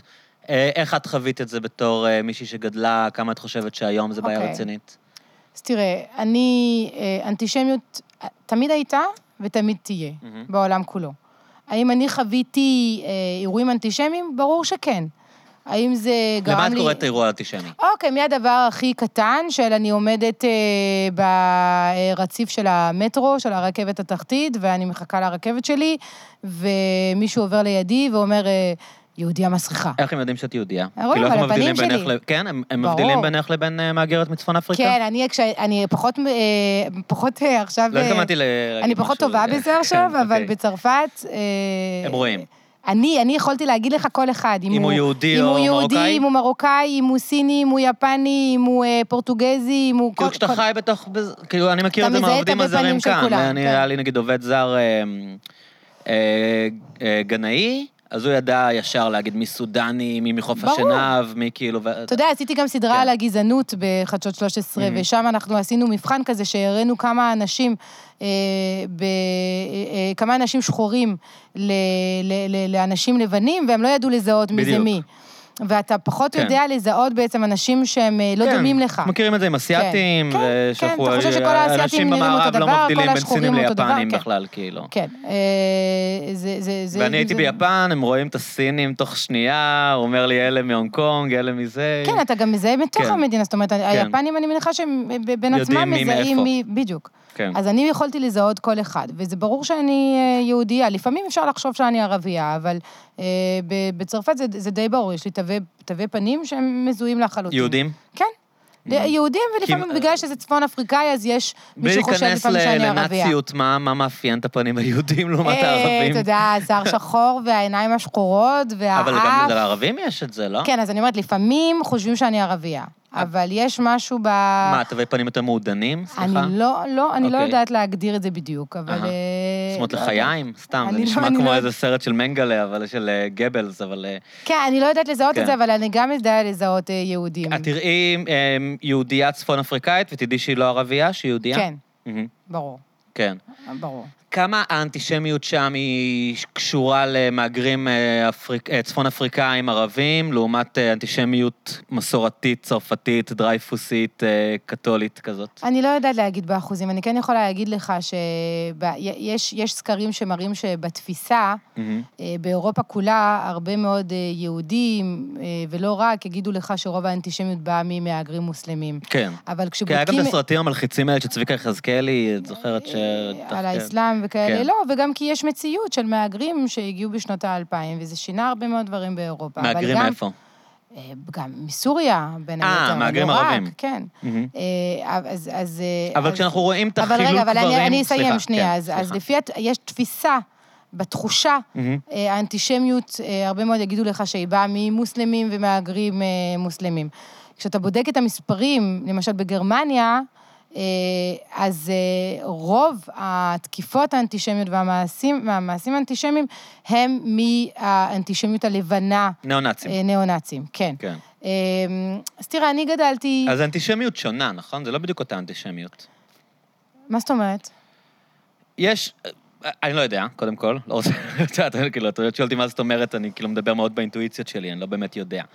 אבל נראה שהאנטישמית המוסלמית היא יותר, או הערבית, או איך שתקראי כן. לה, היא יותר קשורה לישראל, היא יכולה להיות יותר כזה, אתם אה, אה, הורגים את הערבים בעזה, לעומת אנטישמיות לבנה, שאתם בנקאים, אתם גונבים לנו את הכסף, אתם איזה קונספירציה בינלאומית שרוצה לדפוק אותנו. אני חושב, אינטואיציה, כן, לא, לא יודע. זה, זה די נכון, אני אגיד לך, אני גדלתי באמת אה, בצרפת של שנות ה-80, שכולנו אוהבים את כולם, ו-peace and love, ואין הבדל בין אה, דת ו- ו- ו- ו- ולאום וכזה, ואנחנו אה, לא עם סממנים אה, דתיים בבית ספר וכאלה. כן.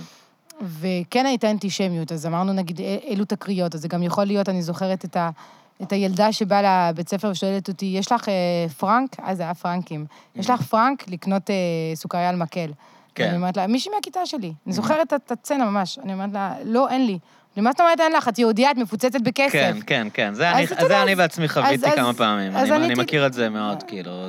טיילתי בעולם. כן. טיילתי בעולם, אני זוכר איזה תקרית שהייתי עם... תקרית, לא, תקרית, תקרית זה ישר נשמע. אבל הייתי נגיד עם חברים, והיה חבר שלי, שהוא בעצמו חצי או רבע יהודי, וישבנו כזה כמה חבר'ה באיזה מקום, ועליתי רגע לחדר שלי, והזמנתי בקבוק יין, וכולם היו שיכורים וזה, ואני כאילו, אמרתי, די, אני אלך רגע לחדר, יפרקו לי את הבקבוק יין, שמתי אותו מתחת לכיסא, כאילו, שלא ישתו לי את כל הבקבוק יין, וישר הוא הסתכל עליי ואמר ליד כולם, כאילו, such a Jew. את יודעת, והוא כאילו, הוא בעצמו חצי יהודי, אבל, אבל כאילו הסטריאוטיפ הזה, באנגליה, כולם הבינו את הבדיחה, את יודעת, כן, כאילו, כן, ברור, אתה יהודי, כן. ברור שאתה לא רוצה שנשתה לך מהיין, כאילו. בדיוק. אה, עכשיו, אתה יודע, זה לא, האם זה משהו שגרם לי טראומה? לא. אני, אני זוכרת כלומר, את התקרית לא, הזאת. זה, זה לא הסיבה שעלית לישראל. לא, אז זהו, זה, זה, אני אוהבת את השאלה הזאת. אני לא כן. לא עליתי, אני לא ברחתי מצרפת. כן. אני אוהבת את צרפת, אני שוקלת לפעמים לחזור לגור בה. אה, אני לפעמים מתגעגעת אליה, לפני יומיים ישבתי אצל ההורים שלי והם, אה, יש להם, הם, הם עלו לארץ לפני חמש שנים. איפה הם גרים? בתל אביב. Mm. והם ראו איזה סרט צרפתי, ונקרעתי מצחוק, וכל כך התגעגעתי לשפה ולדיאלוגים ולשנינות. מה, לדקויות? כן, הדקויות והשפה כן, ההומור הישראלי הוא מאוד גס, אם אתה בא מצרפת, לא? והכתיבה, אני דווקא, בלי, בלי להשוות. אבל צרפת היא מדינה מאוד מילולית, נכון? יש עניין נכון. מאוד של מילים, נכון. כאילו, של להגיד את המילה הנכונה. אני כל החיים מנסה ללמוד צרפתית ואני לא מצליח. נכון, וגם... דיברתי על זה כבר, אבל... כן. אתה יודע, בתוכניות טלוויזיה שם, אז יש, יש פאנלים שמדברים במשך שעתיים וחצי עם אה, שחקנית ו- ו- וסופר, כן, והאיט כן, כאילו גרל. הוורבליות, לא צריך להכניס... כאילו זה... ולא צריך להכניס VTR, קטע וידאו, ולא צריך אה, לשעשע עכשיו את העם ולרגש אותו, שזה היה לי מאוד לדבר. קשה, אגב, אני לא רוצה להעביר ביקורת, אבל בסרט שלך, אני לא רואה טלוויזיה כבר הרבה שנים, אבל בסרט שלך על המדיניות הסגרה של ישראל, זה היה כל כך הרבה דימויים ויזואליים כל באמת? הזמן. כאילו, את יודעת, כזה, אה, רואים מישהו וזה מעורפל, וכל דבר שאת אומרת, רואים איזה תמונה של משהו, ורואים איזה מישהו בכיסוי פנים, ורואים איזה מצלמת כתף. על הנמלטים? הולכת במדרגות, וזה כאילו, תספרו לי מה קורה, הכל בסדר, אתם לא צריכים כאילו לתת לי להפעיל לי את כל החושים. אני אה, סקרן לגבי על מה, על מה אתם מדברים. מעניין, כן, כן, כן, כן, כן, זה נכון. זה מאוד אמריקאי, אני חושב. זה טלוויזיה, צריך, אה, בטלוויזיה הישראלית, צריך הרבה מאוד אמריקאי, לא? תמונות. כן, זה מאוד אמריקאי, זה נכון. כן. צריך הרבה מאוד תמונות וויזואליות, ו... אה, אתה יודע, כשאני באה, נגיד, אה, להופיע אה, שלוש דקות בתוכנית, לדבר על איזה כן, לא רואים אותך סיפור, מדברת, את מדברת וישר חותכים ללהראות דברים. ולימדו. אותי כבר מזמן שהסיפור זה הקטעים שאני מראה, ואני צריכה לדבר גג 30 שניות, וישר ללכת לקטע. כי הצופה נשאר באמת כדי לראות את הקטעים. וזה נכון. רגע, אז קטעתי אותך, כי התחלת להגיד דברים? מעניינים. כן, על האנטישמיות, דווקא מעניין אותי רגע, כאילו, את האנטישמיות, גם, המילה אנטישמיות היא מבלבלת, כי כולם מבלבלים, וגם הם מתבלבלים, גם אנחנו מתבלבלים וגם האנטישמים מתבלבלים, בין האנטי-ישראליות לאנטישמיות. שזה אז בוא- בוא אני אתחיל זה עם מדרון משהו- מאוד חלקלק, כאילו, של כן. מתי אתה מבקר את מדיניות ישראל, ומתי אתה באמת אנטישמי, וכולם נופלים בזה. אנחנו נופלים בזה כשאנחנו מתגוננים, והם נופלים בזה כשהם שונאים, כאילו. את כן, מבינה אני מתכוון? זה נכון. כאילו, בביקורת זה, שלהם. זה נכון מאוד. אני זוכרת את עצמי חוזרת בתקופת האינתיפאדה השנייה לצרפת לביקורים, כן. ואנשים תוקפים אותי על המדיניות של שרון. ואת אומרת, כאילו, אני לא... ואני צריכה את להסביר? שאני לא נציגת ממשלת ישראל. זה שאני ישראלית ובחרתי לעלות לארץ, אה, לא אומר שאני ישר צריכה לאמץ את כל, אה, את כל המדיניות. אה, גם אם... זאת אומרת... זה, זה, זה, ו, ו, ואנשים תוקפים אותי כיהודייה, כי אני ישראלית. כן, בדיוק. אז נכון. זה אני מדבר. אני נגיד, היה לי... אז יש, היה לי- יש, יש בעיה עם זה. עכשיו, למה אנחנו מתבלבלים בתור ישראלים עם הביקורת על ישראל ורואים בה כאנטישמיות? כן. כי אי אפשר להתכחש לזה שבשנים האחרונות האנטי-ציונות או האנטי-ישראליות הפכה להיות באמת, בחוגים מסוימים, אנטישמיות מובהקת, כן. שמנסים להסתיר אותה. אז, אז הגבול הוא דק. עכשיו, אמ, אני, אני אגיד משהו שאולי לא ימצא חן בעיני הרבה אנשים, אבל אני חושבת שהבעיה הגדולה שלנו אה, כישראלים, כאשר אנחנו מדברים על האנטישמיות, זה שרוב הישראלים, כן. רוב רובם של הישראלים, לא חוו אנטישמיות מימם. מהמם. אין להם מושג מה זה אנטישמיות. אין להם מושג מה זה להיות מיעוט. אין להם מושג מה זה לגדול בתור יהודייה בצרפת. להיות לבנה, להיות צרפתייה, להיות אזרחית, אבל תמיד לדעת שאת שונה. מהמם. אני הפכתי את זה לכוח. אני לא מזמן הבנתי שאני מיעוט בכל מקום שהייתי בו בחיים שלי, עד היום, גם פה אני מיעוט. כן, צרפתייה. אני מהגרת, כן. ואני עם מבטא. ו... ו... ו- וכן, וזה, ו- וזה, לא חוויתי את ה... אני הייתי מאוד מאוד גאה ביהדות שלי בצרפת. אני זוכרת חברים יהודים שכעסו עליי בתיכון שאני באה עם אה, חולצה של צה"ל, אה, של מה את עושה? למה את מראה לכולם שאת יהודייה? ואז הייתי אומרת, לא באמת, כי אה, לא רואים עליי שאני יהודייה, אני צריכה להסתיר משהו? אני, אני לא צריכה מכיר- להסתיר שום דבר. אני, אני מכיר את זה מאוד, אה, כי גם בתקופה, הייתי קצת באנגליה, אז, אה, אז באה אליי איזה מישהי שקלטה שאני שמאלן, כאילו, והייתה אנגליה, ואז היא אמרה לי, אה, פתחנו, יש לנו איזה ארגון של יהודים רדיקליים. וכאילו, הייתה בטוחה שישר אני, כאילו, בגלל שאני כזה מתנגד לכיבוש, נגיד, אז היא הייתה בטוחה שאני ישר אזרום איתה, והיא אמרה לי, אנחנו קבוצה של יהודים רדיקליים, ותוך שנייה הבנתי שהם כזה מתנגדים למדינת ישראל. את יודעת, וזה... לקיום של מדינת ישראל. והרגשתי שזה נורא בא מהלחץ של כאילו, תרדו מאיתנו, זה שאנחנו יהודים, אנחנו לא רוצים שתכעסו עלינו על מה שקורה בכיבוש Mm. וזה, אז כאילו, את יודעת, אז הם לקחו את זה למין קיצון כזה, כאילו, את יודעת, באנגליה יש מין מסורת, באנגליה זה מאוד מסובך, תכף אני רוצה לשאול אותך על זה, אבל באנגליה זה מאוד מסובך. יש את ה... את יודעת, צ'רצ'יל יש לו אמירה מאוד מפורסמת, שהוא אמר, אם אתה אנטי-ציוני, אז אתה בעצם אנטישמי, כי, כי מה שאתה אומר, הסאבטקסט, זה שלכל עם בעולם מגיעה מדינה, חוץ מליהודים. אה, ו- אבל יש בלבול מאוד גדול. כאילו, נכון. גם האנגלים, היה לי איזה חבר אנגלי לא יהודי בכלל, שדיברתי איתו, והוא אמר לי, אבל אני לא מבין, כאילו, יהדות זה דת, אז למה Hmm. צריך, כאילו... אבל הם לא מבינים שיהדות זה גם לאום, ושאת יודעת, מה קרה בשואה, שזה בכלל לא קשור זה- כאילו זה- לדת. זה אשכרה שיחה שניהלתי, אני זוכרת אותה כן. בכיתה ה' או ו', מהמם, עם אה, ילדים בכיתה, כן. שהסברתי להם שאני צרפתייה ויהודייה. מהמם. אז אמרתי, נגיד, אתה צרפתי, זו אזרחות, אני צרפתייה, זו אזרחות, אתה נוצרי, אתה אתאיסט, זה כן. עניין דתי, כן. אני יהודייה, זה עניין דתי. אבל זה לא בדיוק ואז ככה. הסתכלו עליי ואמרו לי, לא, אני לא מבין. אבל כן, אני גדלתי ככה. אבל זה באמת לא רק דת. אני לא גדלתי, אבל מבינה? כי, כי כאן אנחנו זה יכולים לקבל היסטוריה, יהודים... זה תרבות. ישראל תגן על יהודים שהם אתאיסטים, אה, והנאצים הרגו יהודים שהם אה, לא דתיים, אתה מתכוון? או שהם אה, אני- אפילו התנצרו. אני מבינה אם מה היית, אתה אם אומר, היית אבל- יהודי והתנצרת בשואה, זה לא עניין את הנאצים, כאילו. נכון, אני מבינה מה אתה אומר, אבל אתה צריך גם לקחת בחשבון שאנחנו מדברים על... צריך להעלות את כל היהודים לארץ. הרבה מאוד יהודים בעולם העולם מאוד מרוצים מהמקום כן. שהם חיים בו. פטריוטים ו- אמריקאים. ו- ו- ופטריוטים אה, בריטים וצרפתים, ואוהבים את החיים שלהם כיהודים. ואני כשגדלתי, וחברים שלי, הרבה מהם שגרים אה, בצרפת, הם לא מרגישים ישראלים. לא. הם אוהבים את ישראל, יש להם משפחה, יש להם כן. חברים, יש קשר זה נורא כלשהו קשה למדינה לישראלים הזאת. להבין, נכון? זה נורא קשה לישראלים להבין. שכאילו אני אמריקאי, ולא מעניין אותי ישראל. כן. עזבו אותי, אני יהודי, סבבה, המשפחה שלי או יהודית. אני אוהב לבוא לפה לחופש ולראות את המשפחה שלי, אבל אני לא ב- מרגיש שום קשר, לא מעניין אותי מה הממשלה הזאת עושה. במאה ה-20, עד, אה, נגיד, עד שנות ה-60 או ה-50, זה היה מאוד ברור שיש אנשים שהם יהודים ציונים, שהקטע שלהם זה, אנחנו בחרנו שהיהודים הם משהו מסוים שצריכים להקים מדינה, והרבה אנשים אמרו, אנחנו יהודים, אנחנו חיים אלפיים שנה בגולה, ואנחנו- והיינו גרמנים, עכשיו אנחנו אמריקאים, ואני אמריקאי. את יודעת, הכל, הכל בסדר, אני עדיין יכול להיות יהודי, ואפילו לרצות שהילדים שלי יתחתנו עם יהודים, וללכת ביום אה, שבת עם האוטו כן. לבית כנסת הרפורמי, ואני מחזיק בזהות היהודית שלי, אבל אין לי קשר לציונות, אני לא, לא כזה מאמין בפרויקט הזה ולא רק של יהודים לציונות, שחוזרים יש לי לישראל. קשר עמוק למדינה שבה אני חי. כן. שהיא לא מדינת ישראל. ואני לא פחות פטריוטי כן. מכל אמריקאי אחר, כן. יש פטריוטים אה, קתולים ופרוטסטנטים והינדואיסטים, בדיוק. ואני אה, יהודי, אבל בדיוק. אני עדיין אמריקאי לכל דבר ועניין, בדיוק. כאילו. וככה אני גדלתי. מהמם. ו... וככה אני עדיין אוהבת את צרפת. כן. אה, זאת אומרת... שהיא אה, מדינה ואני מאוד חילונית, נכון? בחוקה כן, שלה, כן, בתפיסה כן. שלה. עם הפרדה מוחלטת. החילוניות שם בין- זה...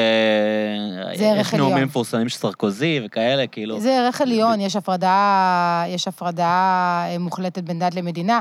תראי, יש בעיה של טשטוש זהויות בצרפת, שבאמת צמח בשנות, בשנות ה-70 וה-80, שעכשיו אני חושבת שצרפת אוכלת אותה בגדול, כי האובר, אנחנו כולנו אחים וכולנו זהים, היום צריך אה, להכיל את זה ואת כי הזהויות החדשות. מגיעים מוסלמים שהם לא מקבלים את החוקי משחק האלה? אבל לא רק, כי כל העולם הפך להיות הרבה יותר קהילתי וסגור בין הקהילה שלו, ואז כן. אתה צריך להתמודד עם זה.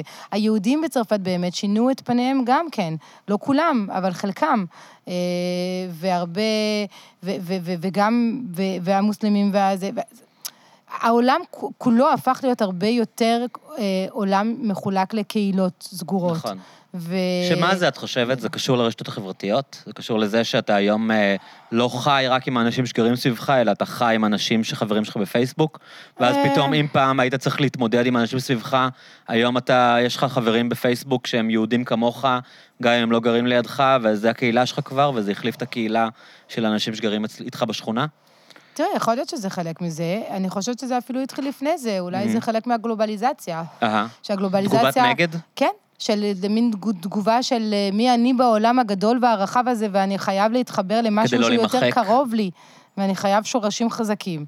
אה, כלומר, ו- כלומר ואז- בתוך העולם הגלובלי הזה, שכל האנשים הם סטטיסטים בתוך עולם אה, של תשעה מיליארד איש, אני צריך לאמץ לעצמי זהות מסוימת. כן, אני חושבת שזה חלק מזה. אני חושבת שזה חלק מזה. וסכסוכים בעולם גם מקצינים את הדברים האלה. אה, ו... שאלת הזהויות, אני חושבת שהיא באמת אה, שאלה עיקרית. בזמננו. שכולנו חייבים להגדיר את עצמנו כל הזמן. עכשיו, לי יש בעיה עם זה. כי... כי כשאתה מגדיר את עצמך, אתה פתאום כבר נגד מישהו אחר הרבה פעמים, לא? גם, וגם כי, אתה יודע, אתה מתפתח ואתה משתנה לאורך השנים. זאת אומרת, Mm-hmm. הסנטר שלך אולי נשאר אותו בן אדם, והמהות שלך נשארה אה, מה שהיא, אבל אם אני גדלתי בתור צרפתייה יהודייה, היום ז- ז- זאת לא ההגדרה שלי פה בארץ. מה ההגדרה שלך? אני כבר גרה יותר שנים בארץ מאשר גרתי בצרפת. וואו. אה, אבל, אבל יש כמעט. משהו בילדות, לא? כאילו, ברור. ה- מה שמעצב אותך... ברור, המהות שלי... גורדון אה, הגדיר את זה שהאדם הוא תבנית נוף מולדתו. ספק. כאילו, זה לא משנה כמה שנים, זה משנה השנים המעצבות אתה יודע, יותר. גם כשאני אהיה בת אה, לא יודעת כמה, ואני אחיה פה, אני אהיה אחרי 40 שנה בארץ, לעומת 17 שנה בצרפת, אני תמיד אשאר צרפתייה. כי יש משהו, אגב, שהוא מאוד מדהים, שהוא כאילו חופף את הרעיון הפילוסופי הזה, שמבטא מתעצב עד גיל 14-15. את את מכירה את זה? לא, אני לא מכירה את זה, זה מעניין. אם אתה מהגר למדינה בגיל 12, נגיד אם את היית באה לארץ בגיל 12, לא היה לך שום בעיה ל- לאמץ את המבטא הישראלי. אם את מהגרת למדינה בגיל 17, you're doomed. וואלה. כאילו, גם אם את מגיעה למדינה בגיל 16... למרות שאני יכולה להחמיא לעצמי ולהגיד שאני גאה בזה שהמבטא שלי הוא לא כל כך כבד. תראי, קודם כל את במבטא... אתה חולק עליי פה. תראי, אני- יש לך מבטא, נו, מה, אנחנו באים ל... אנחנו לא. רוצים לשקר כאן אף אחד. יש לי. אמרתי, אה, לא כל יש כך לך- כבד. יש לך אמרתי. מזל שיש לך מבטא שהוא בישראל, בעולם של... אה, בעולם של ריבודים ומעמדות, מבטא צרפתי זה לא דבר רע. מה את מתכוון? זה אפילו דבר טוב, כאילו, זה נכון. בניגוד לנגיד אנשים שסובלים, סליחה, ואני ידיד המגזר, רוצה לחשוב על עצמי כזה, מבטא ערבי הוא בעיה. את במבטא רוסי מקבל אבל הרבה מבטא פחות טוב רוסי הוא בעיה הרבה מבטא פעמים, צרפתי. אבל מבטא צרפתי, נכון. מבטא אמריקאי, נכון. אה, הוא פחות בעיה. נכון. כאילו, זה זה סטייל, אנחנו לא אנחנו לא מרגישים אה, התנשאות. תראי, בעלי... אנחנו יכולים ב- לצחוק, את בעלי אוהבים סובל אוהבים מהמבטא. לפעמים בתקשורת לצחוק עלייך, על המבטא, אבל אף אחד לא מתנשא על המבטא לא. שלך, את מבינה אני מתכוון? זה יותר מזה, אני אגיד לך, אה, בעלי סובל מהמבטא הוא האמריקאי. אמריקאי, נכון? הוא אמריקאי, יש לו מבטא. כן. אה, הוא סובל מהמבטא שלו, אה, אה, בעיקר כשהוא נכנס למונית, בדיוק. והנהג מונית מנסה בדיוק, לדפוק לו מחיר בגלל שהוא חושב בדיוק. שהוא תייר. זה ב- נורא מעצבן אותו. בסיטואציות שוק, כן. לי זה לא קורה, אגב. בסיטואציות שוק, בסיטואציות של החיים ה- היומיומיים, התחתיים, נורא קל אה, להתנשא על מבטאים אליטיסטיים. כאילו, אתה אם בא איזה אמריקאי, נכון. אז נורא קל לנסות לדפוק אותו בשוק או במונית. אתה יודע, הבן אדם פה אבל בארץ... אף אחד לא חושב שהוא כאילו- פחות חכם, נכון. כי יש לו מבטא אמריקאי. נכון? אבל הוא פה כמעט 25 שנה, ואנחנו באיזה גיל הוא היגר? אה, גם אה, 17. את רואה? כן, אני אבל אומר, הוא... 15 זה כן. הגיל, זה אז, אז, נבדק אז במלא הוא, פה, הוא מחקרים. פה כמעט 25 שנה, ואנחנו יושבים לפני כמה ימים במסעדה, וישר המלצרית שואלת אותו אם הוא רוצה תפריט באנגלית. באנגלית, וכאילו. בן אדם, העברית שלו, גם מי שמכיר את בעלי, העברית שלו כל כך... אה, אבל אנחנו בתקופה של צברים, את. יודעת שבשנות ה-50 וה-60, שכולם היו מהגרים, אני נגיד שייך לדור שסבא וסבתא שלי, היה להם מבטא כבד. מהמם. כאילו, סבא, היה לי סבתא עם מבטא הונגרי, וסבא וסבתא עם מבטא רוסי, וככה פעם זה איך שסבא דיברו. וסבתא דיברו, כאילו, זה היה ברור שהסבא וסבתא עם מבטא. היום זה נורא משונה שיש סבא וסבתא שמדברים כמוך. כן. כי אנחנו לא גדלנו ככה, נכון. את יודעת, אבל... זה, זה, זה מצחיק, כי אני נגיד שואלת את עצמי, מתי הילדים שלי יבינו שלהורים שלהם יש מבטא. כן. אה, ואם הם כבר מבינים את זה, יבינו, ו... הם יבינו ומתי הם יצחקו הם יבינו עלינו, כשהחברים שלהם יצחקו עליהם, ככה זה. עובד. כן. כשהחברים שלהם יתחילו לצחוק, הם כן. יבינו, עד אז יהיה ככה כן. ההורים מדברים. כאילו. אבל אני מסכימה איתך לחלוטין שמבטא אמריקאי ומבטא צרפתי זה מבטא שהוא מתקבל אה, בברכה, ויותר מזה, כשאמרתי לך שאני הבנתי שבזהות שלי, בכל מקום שהייתי בו, אני מיעוט, אז אני מיעוט פריבילגי. בדיוק. כי גם להיות יהודייה בצרפת זה עדיף, גם בשנות ה-80, בטח. מלהיות ערבייה בצרפת. כן. ולהיות צרפתייה בארץ זה עדיף על להיות... אז אה, הזכרת אה, ערבייה, כאילו, לא, על זה ש... היה באמת אה, תקופה בישראל, וזה עדיין נוכח, ואני אני מנסה לא להגיע איתך לאיפה שזה הגיע איתך למקומות אולי כואבים או מורכבים, אבל באמת... בסדר, אתה יכול אוקיי, לנסות. אוקיי, אז באמת היה עניין בישראל כזה של אה, נרטיב שהיה מאוד חזק ומאוד פומפם בתקשורת הישראלית של האסלאם כובש את אירופה. את יודעת, כאילו היה תוכנית שלמה של אה, צביקה יחזקאלי, שאיתך, הוא עדיין איתך בערוץ? כן, כן, בטח. אה, על האסלאם, הוא עשה תוכנית שלמה על כאילו, ו- וזה מאוד, מאוד אה, השפיע על התפיסה הישראלית, של כאילו, אירופה בעצם, אה, כמו שחבר שלך, אה, אברי, אמר, זה מלחמת עולם שלישית, והמוסלמים כובשים את אירופה בדרכים, אה, את יודעת, תקיפות. כן. בתור מישהי שכאילו מכירה את צרפת וגדלה שם, מה, מה הסיפור באמת, לדעתך, כאילו? הסיפור הוא שמה שרואים מכאן ומה שרואים משם. אתה יודע, כשאני כן. עליתי לארץ, אנשים היו אומרים לי באינתיפאדה, אמרתי, שלושה שבועות לפני האינתיפאדה השנייה, ולתוך האינתיפאדה השנייה, אז אנשים היו אומרים לי, כשהייתי חוזרת לצרפת, אבל את חיה במלחמה ויש טנקים ברחוב, ו... ואתה כזה, מה, על מה אתה מדבר? בן כן. אדם, אני בתל אביב, כן. וגם אם אני לא רק בתל אביב, זאת אומרת... אה, ובאמת, הרי אנחנו יודעים, אנחנו עובדים בתקשורת, ובתקשורת בסוף מה שנכנס זה הדרמה, זה הסיפור. האלימות, זה הסיפור, כן. ואתה יודע, סקרים אומרים שאנשים רוצים חדשות טובות. הרי איך זה קורה? כשאתה הולך לאנשים ואתה שואל אותם בסקרים, היית רוצה לשמוע חדשות טובות בטלוויזיה? הם אומרים לך, כן, כן, בטח. אבל השאלה מה הוא באמת רואה. אבל בסוף, כשאתה? משדר להם חדשות טובות, הם לאו. דווקא נשארים, בדיוק. אה, אז זה ככה בכל העולם. אז יש כוח- גם יש כשאתה- כוח יש כוח בלהפחיד. כן. לתקשורת, ברור.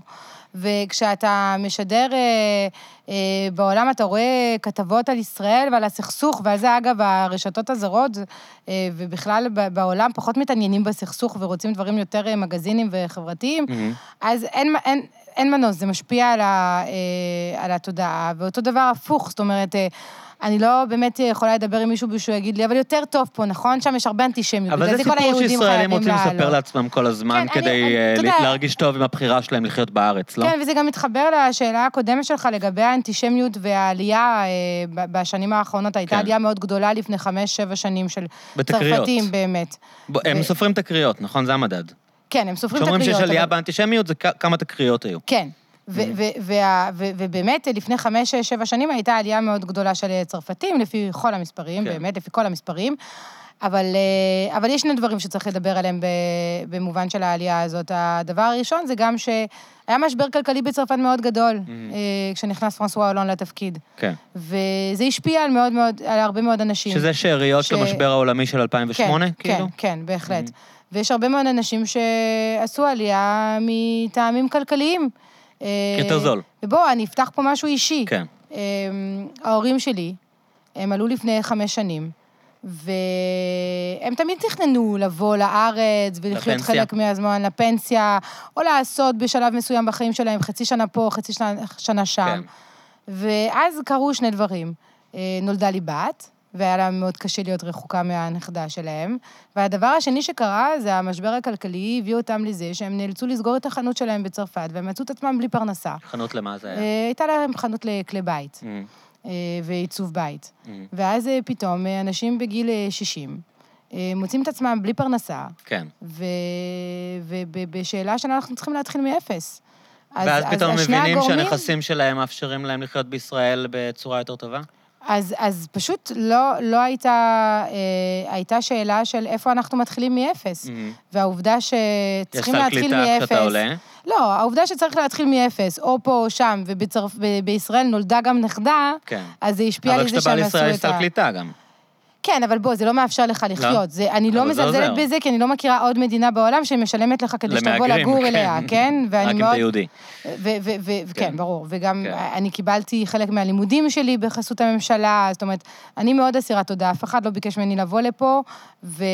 לא, אה, מבקשים ממך כל הזמן, מה, ביבי קורא לאנשים... כן, אה, זה לא היה בתקופה... אפרופו האובדן הדיפלומטיה, ביבי קורא לאזרחי מדינות זרות לבוא להגר לישראל נכון, כל זה הזמן. לא, זה לא היה בתקופה שלי, אה, כשאני עליתי לארץ Mm. בשנת 2000, אה, ועדיין, העובדה שעוזרים לך גם בסל קליטה, גם בשכר דירה, גם בלימודים, זה מאוד משמעותי, באולפן והכול. יש פטור אבל, ממיסים אבל עדיין, זה לא. מספיק, אתה יודע, היום צריך...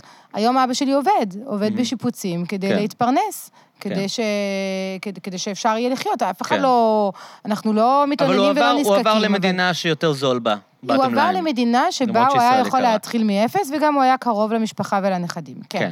עכשיו, אבל, אבל הוא לא ברח מצרפת בגלל האנטישמיות. תשאל אותו, הוא לא עלה בגלל האנטישמיות. אז מה זה, מה, מה, הרבה מאוד האמת? אנשים שעלו באותה תקופה יגידו לך שהם עלו בגלל האנטישמיות אבל בצרפת. הם יגידו לי או שזה באמת הסיבה? אז חלקם חוו אנטישמיות, או חוו אווירה אנטישמית. כי זה משתנה חווים- מאזור לאזור? אם אתה ממרסיי זה יותר קשוח מפריז אה, נגיד? דווקא פחות במרסיי, אבל, אבל כן. במרסיי יש קהילה גדולה דווקא של יש קהילה אלג'יראים וזה, גדולה לא? מאוד, אבל יש קהילה יהודית מאוד חזקה, שהיא גם בקשר טוב עם הקהילה אה, האלג'יראית והמוסלמית, ו- זה יופי. אה, אוקיי. ו- ואתה רואה שם פחות תקריות. אז איפה אבל- יש? זה תלוי בפרברים מסוימים של אה, פריס, באלזס.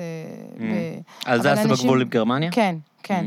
אה, אבל, אבל אנשים, אנשים שאומרים לך שהם חוו אנטישמיות ושהם עלו לארץ כי הם לא רואים מקום ליהודים בצרפת, אני לא מפקפקת בטיעון שלהם, ככה אבל הם את לא חווים את זה. מרגישה ככה. אני לא מרגישה ככה, ו, אה, ואני גם אגיד עוד משהו. יש נתון שמאוד קשה לבדוק אותו, זה מספר האנשים שיורדים חזרה תוך פחות מחמש שנים, שעוזבים את הארץ. אבל זה אנשים שלוקחים לסל קליטה ואומרים, אוקיי... לא, אה, זה אנשים שלא מצליחים להסתדר פה. כי בדיוק הם... דיברנו על זה שיש מלא רוסים שבאים לישראל ועוברים לקנדה אחרי כמה שנים, בקטע של כאילו... כן, "אה, שמעתי את ניסינו... זה סיפור אחר. כן. בעיניי זה סיפור אחר. אני מדברת איתך על אנשים שבאמת עלו לארץ, והם ניסו וחזרו. הם באמת רצו להצליח פה, אז מה- ואז מה הם קרה מגלים להם? את הקושי של החיים. אה, כי מה, זה בצרפת- חברתי או זה כלכלי או זה מה זה? כלכלי, תראי, בצרפת יש רש- רשת חברתית שמאפשרת Mm. לך אה, להתפרנס ולא להגיע לרחוב, אה, כשיש לך ילדים ויש לך כל מיני הטבות, ובריאות בחינם, וחינוך בחינם מגיל אפס. זה דברים שלא קיימים פה. ורגולציה, כמו שדיברנו עליה, על שכר דירה, וכשאתה שוכר דירה, אתה עדיין בבית בבית שלך לפחות לשלוש, שש, תשע שנים, כן. ואתה לא מפחד ששנה הבאה יעלו לך את השכר דירה, פתאום או יעיפו אותך מהדירה. כן. אה, ואלה דברים שגרמו להרבה מאוד משפחות צעירות ואחרים לעלות אז לארץ זאת אומרת, יש משהו שלא מדברים עליו בכלל? ההערכה שחלק שבין- חלק גדול... אוקיי, סליחה, תגידי את ההערכה זה. היא בין חמישה אחו- 15 אחוז ל-20 אחוזים שעלו ותוך חמש, פחות מחמש שנים ירדו. זה לא כזה אתה- גרוע, עשרה אחוז. זה לא מעט. לא, אוקיי. 15. אה, חמישה עשר 15 עד 20 אוקיי. אחוזים. עכשיו, למה אתה לא באמת יכול לבדוק את המספרים האלה עד הסוף? כי כשאתה עוזב את הארץ, אתה עדיין אזרח ישראלי. מהמם. ומאוד, Mm, אתה לא ואתה מוותר בכלל על לא יודע האזרחות. שהם ירדו. אז אתה בכלל לא תמיד יודע שהם לא, ירדו. אבל אתה יודע איפה הם שילמו מס, זה מה שיודעים. נכון, ואתה יכול לבדוק גם לפי, לפני כמה ימים הם חיים פה וכמה ימים הם חיים פה. אז בגלל המס. גם. ככה בודקים, כן. אה, וכניסות ויציאות מהארץ גם. אה, אוקיי. אה, אבל, אה, אבל אה, כן, לא, מה הייתה השאלה המקורית? לא זוכר, סתם, לא, שתינו כבר, זה- אנחנו בבקבוק יין השני, אני אולי הגיע הזמן לספר לכם. אבל... אה, מאוד שמחתי שעמנואל זרמה איתי על לשתות אה, יין אדום. שתינו בקבוק צרפתי ועברנו ספרדי, וגם לא ידעתי אם אני אוכל לעשן לידה, והיא מעשנת יותר ממני בינתיים, אז אני כן. מצטער- שאני שורף אותך. הילדים שלך עוד לא בגיל שהם אה, מתעצבנים שאמא שלך מעשנת? לא? דווקא כן. כן? והם כבר התחילו לה- להציק לך? אה, כן, אני משתדלת לא לעשן לידם יותר מדי. כן. אני לא אוהבת את זה. לא, התכוונתי על כל ה... אה, על ה... אני קורא לזה פאניקה, אבל אולי תגידי לי שזה לא נכון. פאניקה, סביב האסלאם באירופה. יש בעיית זהויות באירופה. יש בעיית זהויות שבהתחלה אה, אמרנו, הכל בסדר, לא צריך לשנות שום דבר, אנשים יתאקלמו ונקבל אותם כמו שהם והכל והכל, ואז אתה... אני עושה את זה בצורה נורא פשטנית, כן? ו... וצריך גם להגיד שצבי יחזקאלי בסדרה שלו זיהה כל מיני דברים. שהם אומרת, נכונים גם? שהם נכונים, אתה יודע, הוא הגיע לאנשים שבסוף הם היו... הבלגים חלק שעשו את הפיגועים. חלק ממזימי פיגועי בטקלן, זאת כן. אומרת, מה מה יותר מזה? איך אפשר לבוא אליו כן. בטענות, כאילו? זאת אומרת, הוא, הוא, ז- הוא הגיע ל, ל, ל, לאנשים שהפכו אבל אני להיות מדבר על ראשים של ההיסטריה, דאעש. אני מדבר על זה שהציגו את זה כאילו אירופה גמורה. את יודעת, אני דיברתי עם אנשים, או אתה רואה לפעמים ההיסטריה תגובות ב- ב- בעיניי- ב- בטוקבקים, שאומרים כאילו, אין אירופה יותר, זהו. הערבים השתלטו.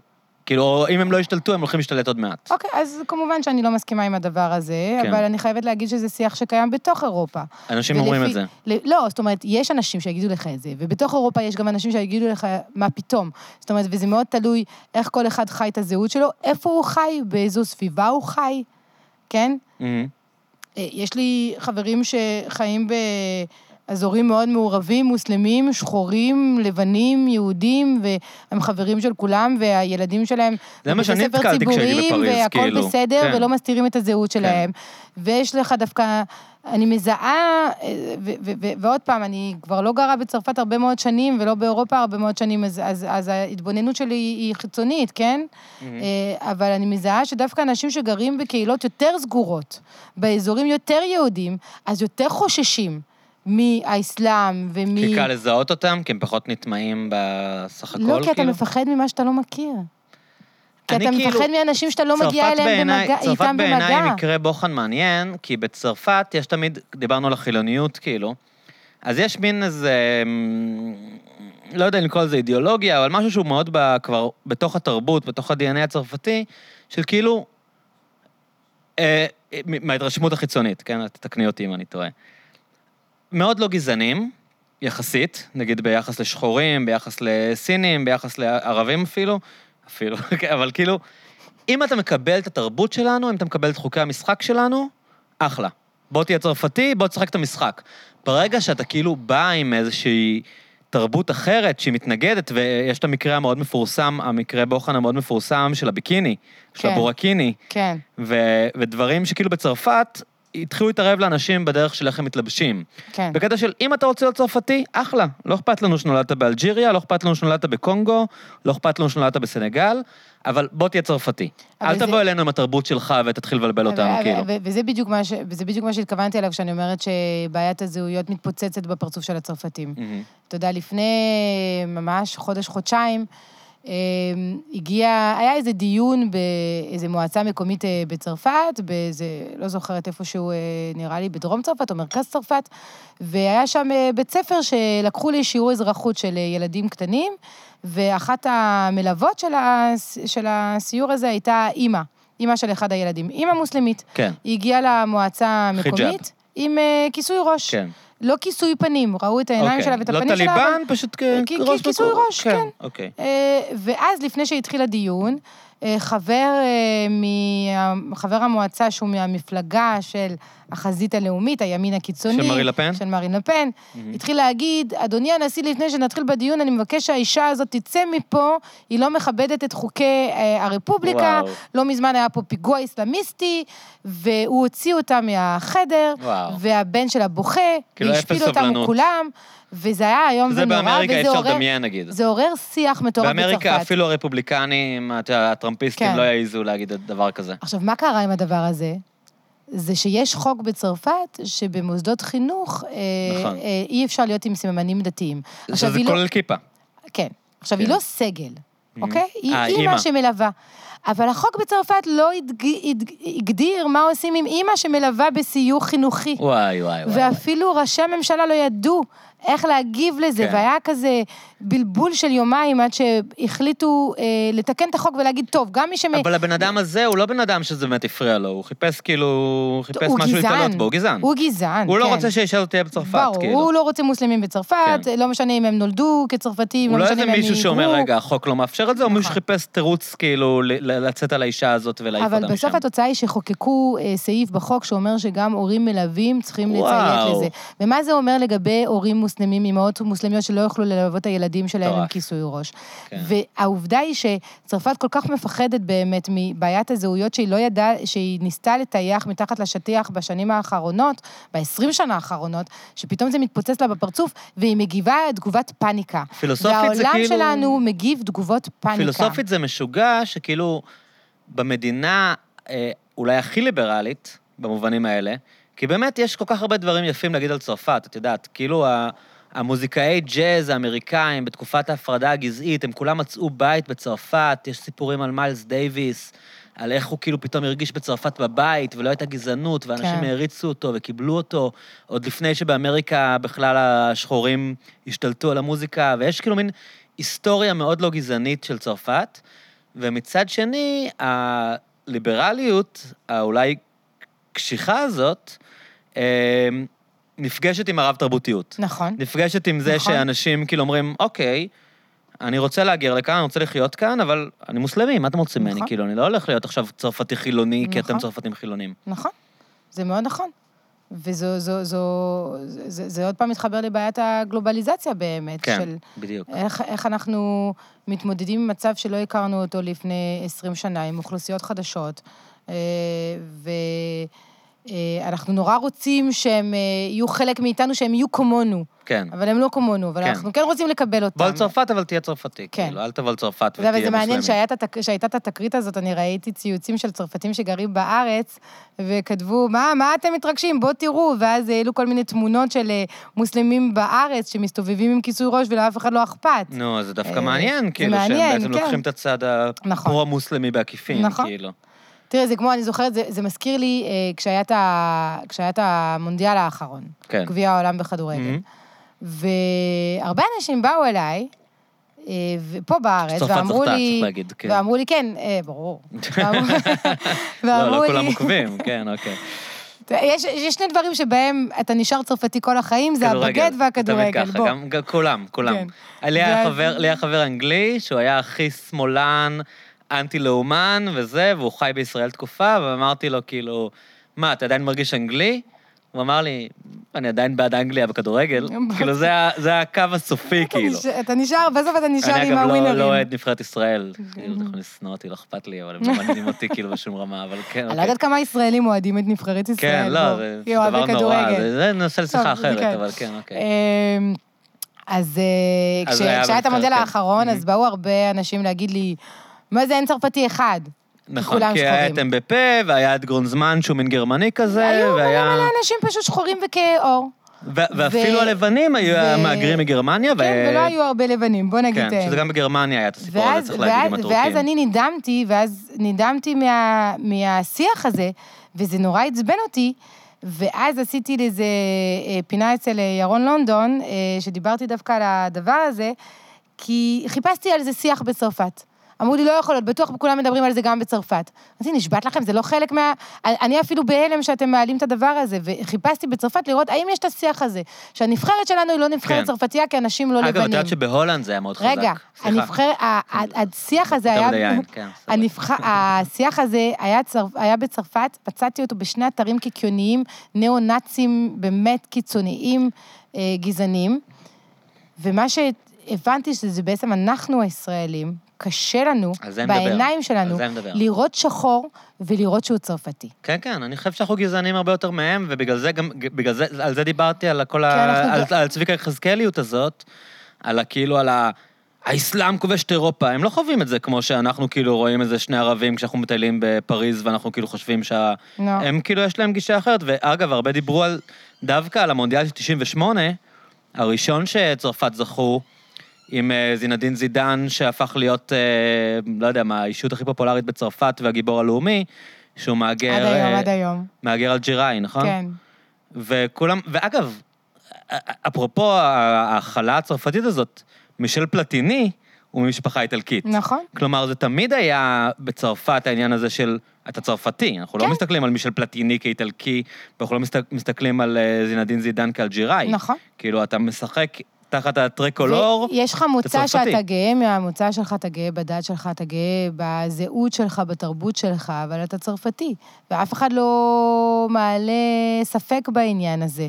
ואני כן חושבת באמת שבישראל הרבה יותר קשה לתפוס את זה, כי בוא נגיד את האמת, אנחנו, אם דיברנו על קהילתיות מקודם, כן. בעולם כמגמה כן. שהתחזקה בשני העשורים האחרונים, בארץ אנחנו גרים בגטואים.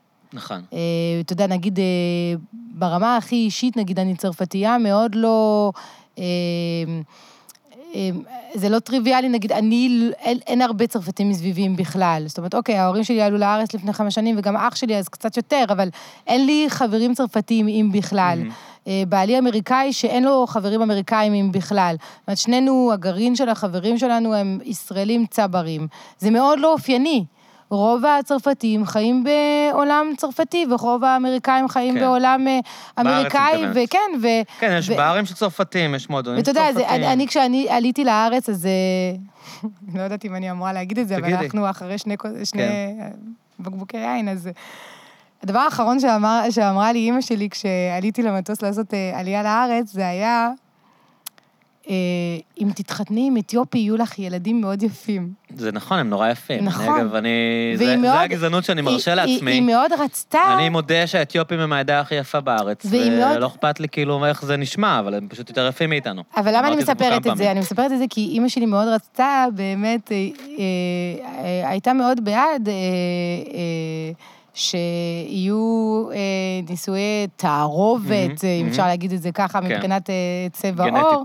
כן. אה, ואז השוק שאני חטפתי, ושאחרי זה סיפרתי לה וגם היא חטפה, שהקהילה של הישראלים האתיופים היא קהילה שהיא לא במיינסטרים של הישראלים, מהמם. היא קהילה מבודדת במובן עם תפיסה מסוים. צרפתית של כאילו... אנחנו בתור צרפתים שרואים את ישראל בחופשות, כולם מה שמספרים יהודים, לנו, יש מרוקאים לא ויש לנו מוס... אשכנזים. לי לא היה מושג יש- שעליתי לארץ, שיש כאלה קהילות וגטואים ושאנשים חיים בתוך עצמם. כן, אבל דווקא... אתה יודע, אני אתן לך עוד דוגמה, כן. אולי יותר מובהקת. אוקיי. יש לי חבר שבא לבקר אותי בתחילת שנות האלפיים, כמה שנים אחרי שגרתי בארץ, הלכנו לאיזו הופעה בהיכל התרבות. של מה? בתל אביב זה, זה היה ריקוד מודרני. אה, אני לא. זוכרת איך נקלענו לזה, אוקיי. היה מאוד בורגני, כן. וגם מאוד לא אוהבת ריקוד מודרני גם, אבל בסדר. והיינו בשורה השנייה, בטח קיבלנו הזמנות, אני לא זוכרת איך הדבר הזה קרה. לא צריכה לתרץ. ואני קצת מרגישה שאני צריכה לתרץ. ופתאום, אה, אתה יודע, אולם גדול, האולם הראשי וזה, פתאום הוא מסתכל אה, אחורה ואומר לי, מנו, מנו, אין פה שחור אחד, בקהל. בקהל. והוא היה בהלם. זאת אומרת, רגיל אנחנו- רגיל כי אנחנו גדלנו ביחד בבית ספר בצרפת, הוא חבר כן. ילדות. אין דבר כזה, אין לא, שחור בכיתה. אנחנו מצד אחד באינטגרציה גרועה, מצד שני צריך להגיד שכאילו, בישראל, בסופו של דבר, מלא אתיופים ואתיופיות כן נישאים ל... לאנשים לבנים, ליהודים לבנים. כמה חברים ישראלים אתיופים יש לך? בוא לא ניתמם. יש לי, יש לי, יש לי. אוקיי. יש לי. באמת אוקיי. יש לי. אוקיי. לא, לא בקטע של להתחסד. אבל... אבל, אבל אני גם בחיי הלילה, גם חיי- גם- הלילה, אני תמיד אומר, זה זה החזית. אוקיי. כאילו, אני דיברתי על זה כמה פעמים, כאילו ההומואים, את יודעת, המקום הראשון שהם הרגישו בו חופשיים זה חיי הלילה, ואנחנו חווינו את זה כאן, כאילו האתיופים משתלבים כאן לפני שהם משתלבים בכל מסגרת אחרת, כאילו, לא, לא מדבר כאן ברדיו, כאן בחיי הלילה. אוקיי. יש לי הרבה חברים אתיופים ויש לי הרבה חברים ערבים, ויש משהו, יש משהו ב, בחיי הלילה, את יודעת, שאתה לא מקבל אוקיי. כסף, ששותים, שכולם אז- בני אדם, שכולם כאילו מתפרקים, שההשתלבות נעשית יותר מהר. אז, אז, אבל לי, באמת יש אז, לי. אז לי יש חברים אה, ישראלים אתיופים, אה, לא הרבה, אה, מעטים, ואני אגיד לך למה. כן. כי באוניברסיטה לא ישב איתי בן אדם אחד שהוא לא לבן, בספסל אה, האוניברסיטה, ובתקשורת בעולם שבו אני עובדת, יש מעט מאוד אנשים שהם לא לבנים יהודים. כן. אה, ולכן אני לא פוגשת, אני גרה בתל אביב. יש אה, בגן של הילדים, זה מתחם ענק. אני חושבת שיש כל ילדה... האשכולי גנים האלה? כן? אשכול גנים. איזה מהם? הם בדוב עוז, מהמם. במרכז תל אביב, שזה מקום נהדר. כן. אבל אני חושבת שיש ילד אה, או ילדה, אולי אחד או שניים, שחורים. טוב, אבל תל בכל- אביב זה גם יקר, את יודעת, לוקח זמן למהגרים להשתלב באזורים העיקריים. אה, אתה מדבר על מהגרים, אני מדברת איתך על אנשים שהם דור שני, שלישי, כן? אתיופים? אה, ישראלים אתיופים, כן. אוקיי. אה, ולכן אה, אנחנו חיים בסביבה שהיא מאוד לבנה, יהודייה, מאוד שונה ממה שאני גדלתי אז איתו. בלילה זה קצת שונה, אני ו- חייב להגיד לך אוקיי. שכאילו אנחנו היום עוד לא פתחנו את הבר, הערב כאילו, בוא נגיד 20-25 אחוז ממי שיבלה כאן הם אתיופים, ויהיו כאן אה, ערבים שמבלים. אתה רואה איך אני מקפידה לקרוא, להגיד ישראלים אתיופים ואתה אומר אתיופים? בית ישראל, נקראים, ביתא ישראל. לי לא אכפת, כי, כן. כי אני, אני לא מאמין יותר מדי. את יודעת, זה גם שיחה כזה במונחים? פוליטיקלי קורקט. ש...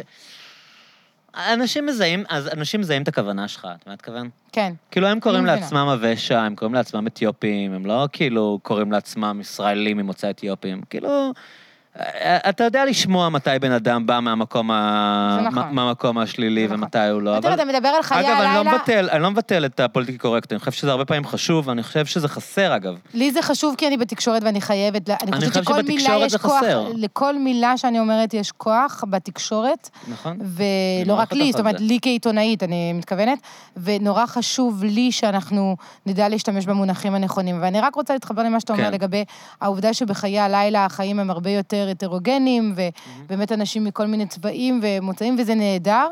אני פחות מכירה את זה. אני מדברת על זה שאני מגדלת את הילדים שלי בתל אביב. אני מתה על תל אביב. אבל זה גם עניין כלכלי, בסופו של דבר. נכון, נכון, אני מתה על תל אביב. זאת עיר שאני מרגישה אליה חיבור רגשי, אה, כמו שלא הרגשתי בחיים. כשאני לא בתל אביב אני מתגעגעת אליה. אה, כן. מכל מיני סיבות. זאת עיר מדהימה, זה על זה אין לי ו- ספק. אבל, אבל קשה לי מאוד עם העובדה שהילדים. שלי רואים וגדלים בסביבה שהיא לבנה, זה יהודייה. יש- זה ישתנה הרבה בגלל, ה-. זה ישתנה הרבה בגלל האריתראים, שהם אה, הם, הם הופכים להיות חלק אה, בלתי נפרד מהעיר הזאת, ואי אפשר יהיה לגרש אותם. כל מי שחושב שאי אפשר לגרש אותם חי בסרט, הם הולכים ממקום להישאר אחד כאן. ספציפי בעיר הזאת. כן, לא אבל. אבל הם הולכים לצאת ולפגוש אותם במועדונים, ולפגוש אותם בדיזנגוף סנטר. זה לא יהיה אותו דבר, את יודעת, אני רואה כבר כאן, את יודעת, יש לי היום... אה, אחד העובדים שלנו, כפרה עליו, הוא ממשפחה שאבא שלו מהגר מניגריה, והילדים של האריתראים כבר מבלים כאן, שהם ישראלים. אני מתנדב כאילו עם אה, ילדים אריתראים בשפירא. הילדים האלה, הם, הם יגיעו לגיל 18 והם יצאו לפה, את יודעת, או 21, כן, מתי שתכניס אותם, כאילו. הילדים שלי בגלל שהם... זה לא... שהם- הפיליפינים, אגב. יש כאן, כאילו, היה לי עובד, כאילו, שאימא שלו פיליפינית, ויש כאן היום זמרת, מ- כאילו, זה לא... זה מנצח את זה. את ראית את זה בפריז, וזה יקרה גם בתל אביב. כאילו, מי שלא טוב לו עם מקווה. זה, שיכתוב טוקבקים, אבל זה יקרה. בתל אביב זה יקרה קודם כל. כאילו, דווקא ייקח יותר זמן עד שזה יקרה בקריית מוצקין ובעפולה, אבל בתל אביב אי אפשר לעצור את זה. אתה מתכוון, מישהו שההורים שלו אריתראים והוא ילד מגניב, יש לי פה די-ג'יי נגיד, את יודעת, שההורים שלו מאפריקה. יש לי, לא, יש לי, הוא מנגן פה, כאילו, את יודעת, דיבור כזה מגעיל. אבל את יודעת, יש די-ג'יי שהוא זה, ואז גם הוא מנגן כאן, ואז הוא מסמס, תכניסו את החברים שלי בתור, ו... ופתאום, כאילו, הדבר הזה קורה בלי שאתה שם לב. פתחנו את המקום לפני עשר שנים, זה עוד לא היה, אבל... אני אוהבת שאתה אומר את זה. ההשתלבות זה- קורית, כאילו, אין... זה מחזיר בי את האופטימיות. אי אפשר- אי אפשר לעצור את זה, אי אפשר לעצור את זה, ואי אפשר יהיה לגרש. כל מי שחושב שאי אפשר לגרש את הילדים האלה חי בסרט. הם, אה, הם, לא יודעים, הם לא יודעים טיגרית, הם מדברים עברית, את יודעת, אני, אני מתנדב איתם כאילו פעם בשבוע, הם מדברים עברית בינם לבין עצמם. כאילו, מי שחושב שיהיה אפשר לגרש אותם חי בסרט, כאילו, בטח כאילו, המציאות הפוליטית היום, אבל זה לא יקרה. הם הולכים להיות חלק מהחברה הישראלית, בדיוק כמו שקרה בצרפת 20 שנה, 30 שנה קודם, אה, ילמדו לחיות איתם. ו- וטוב שכך, את יודעת, כאילו, הם אנשים נפלאים, שכך. והם ילדים יותר טובים. מעולה אני, שכך. כל פעם שאני כי שם, אני אגיד לך, העולם שלנו, העולם שלנו פה בישראל הוא קטן.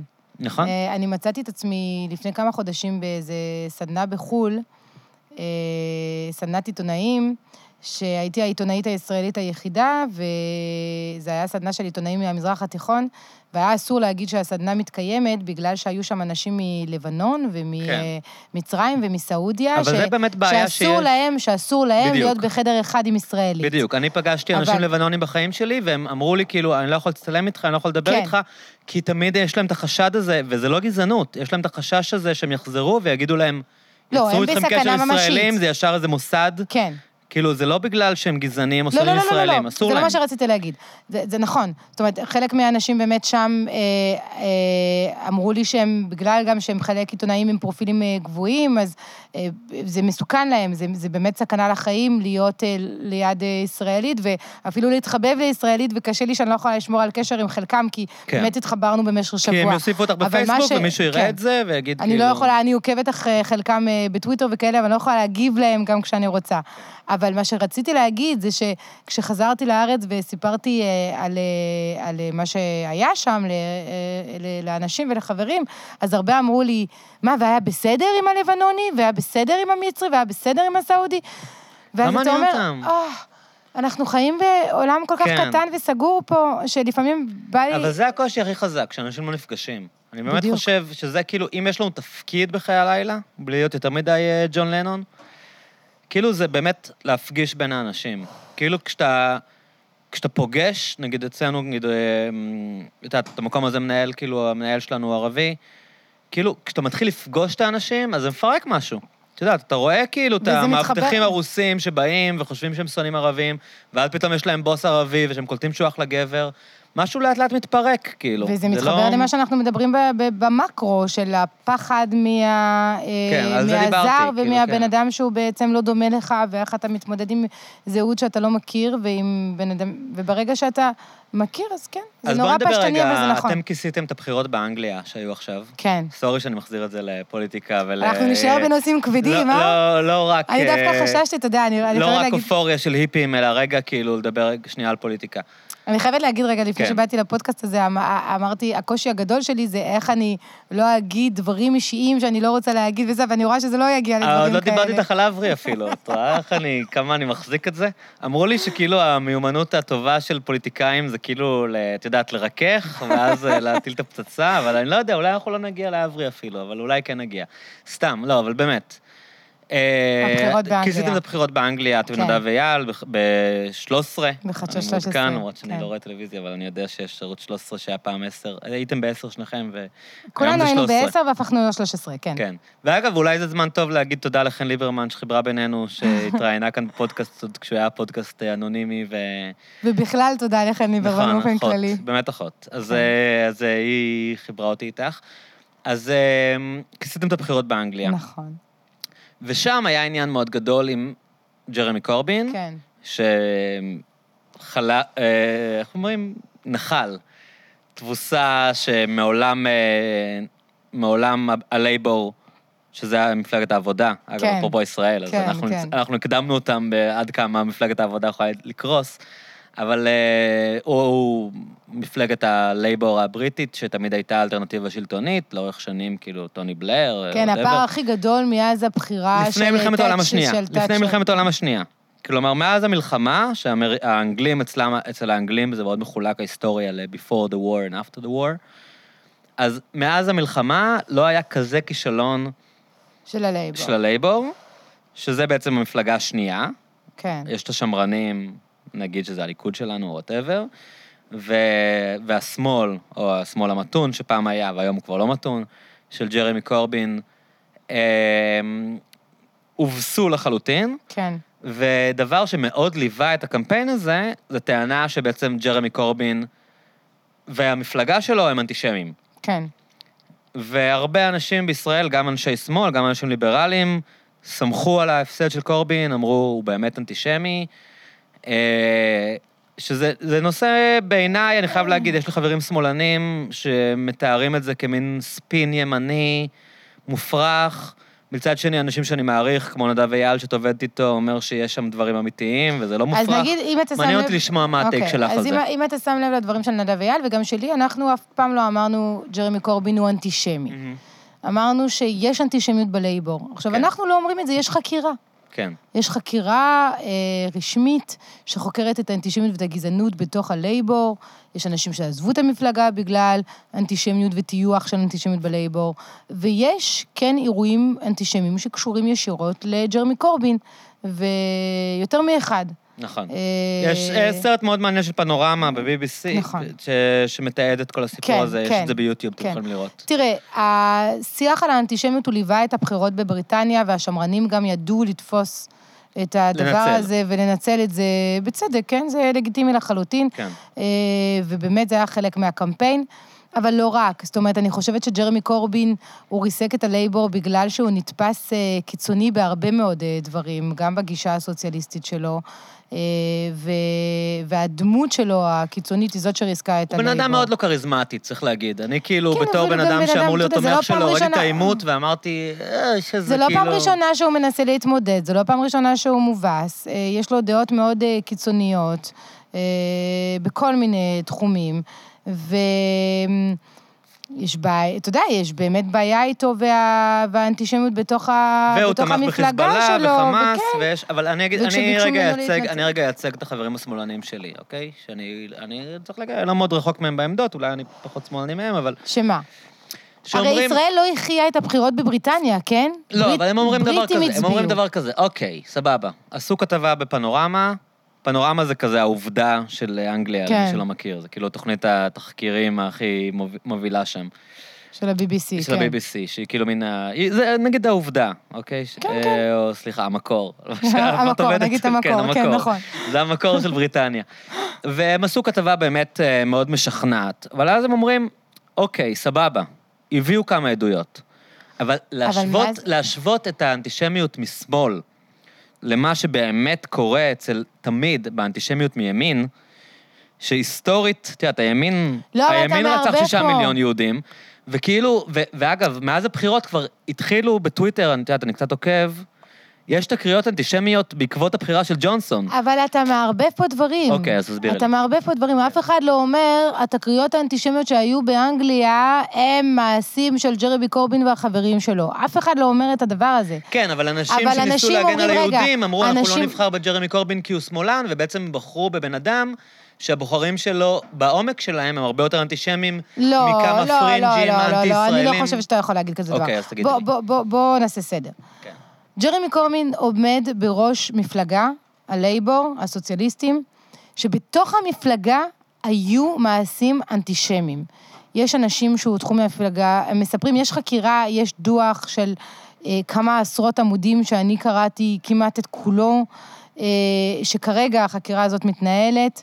שאתה רואה ממש תקרית תקרית אנשים ששקלו להתאבד כי התנכלו אה, בהם, כי הם יהודים כן. או כי הם יצאו להגנת יהודים. ספק, אני חייב להגיד- דברים נוראים. אני חייב להגיד והלייבור, כ- בהנהגתו של ג'רמי קורבין, ניסה לטייח את הדברים נכון. האלה. וג'רבי קורבין, אה, אתה יודע, חתם על אה, ספר שכתוב על ידי מכחיש שואה, וקורא לחברים, של, לחמאס וחזבאללה חברים שלי, וחשב פעם, והתראיין פעם לפרס TV, הערוץ האיראני, ואמר שזה בסדר לערער ב, זכות אה, קיומה של בזכות אה, קיום של מדינת ישראל. כן. אוקיי, אז... אמ, אז, אז, אז אלה דברים שאתה יכול לחשוש מהם בתור יהודי שגר בבריטניה. אתה יכול לחשוש מהיום שבו ג'רמי קורבין יהפוך להיות ראש הממשלה שלך, אני- אבל לא על זה הבריטים הלכו להצביע. הם הלכו על הברקזיט. הבריטים הלכו להצביע על הברקזיט ועל כן. התוכנית הכלכלית.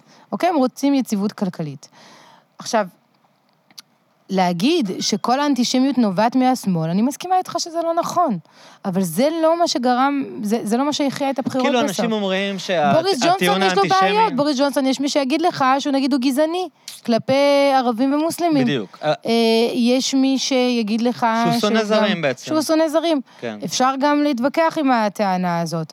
אבל אה, בוריס ג'ונסון לא מגן, גם לא בצורה ממסדית, על גזענים.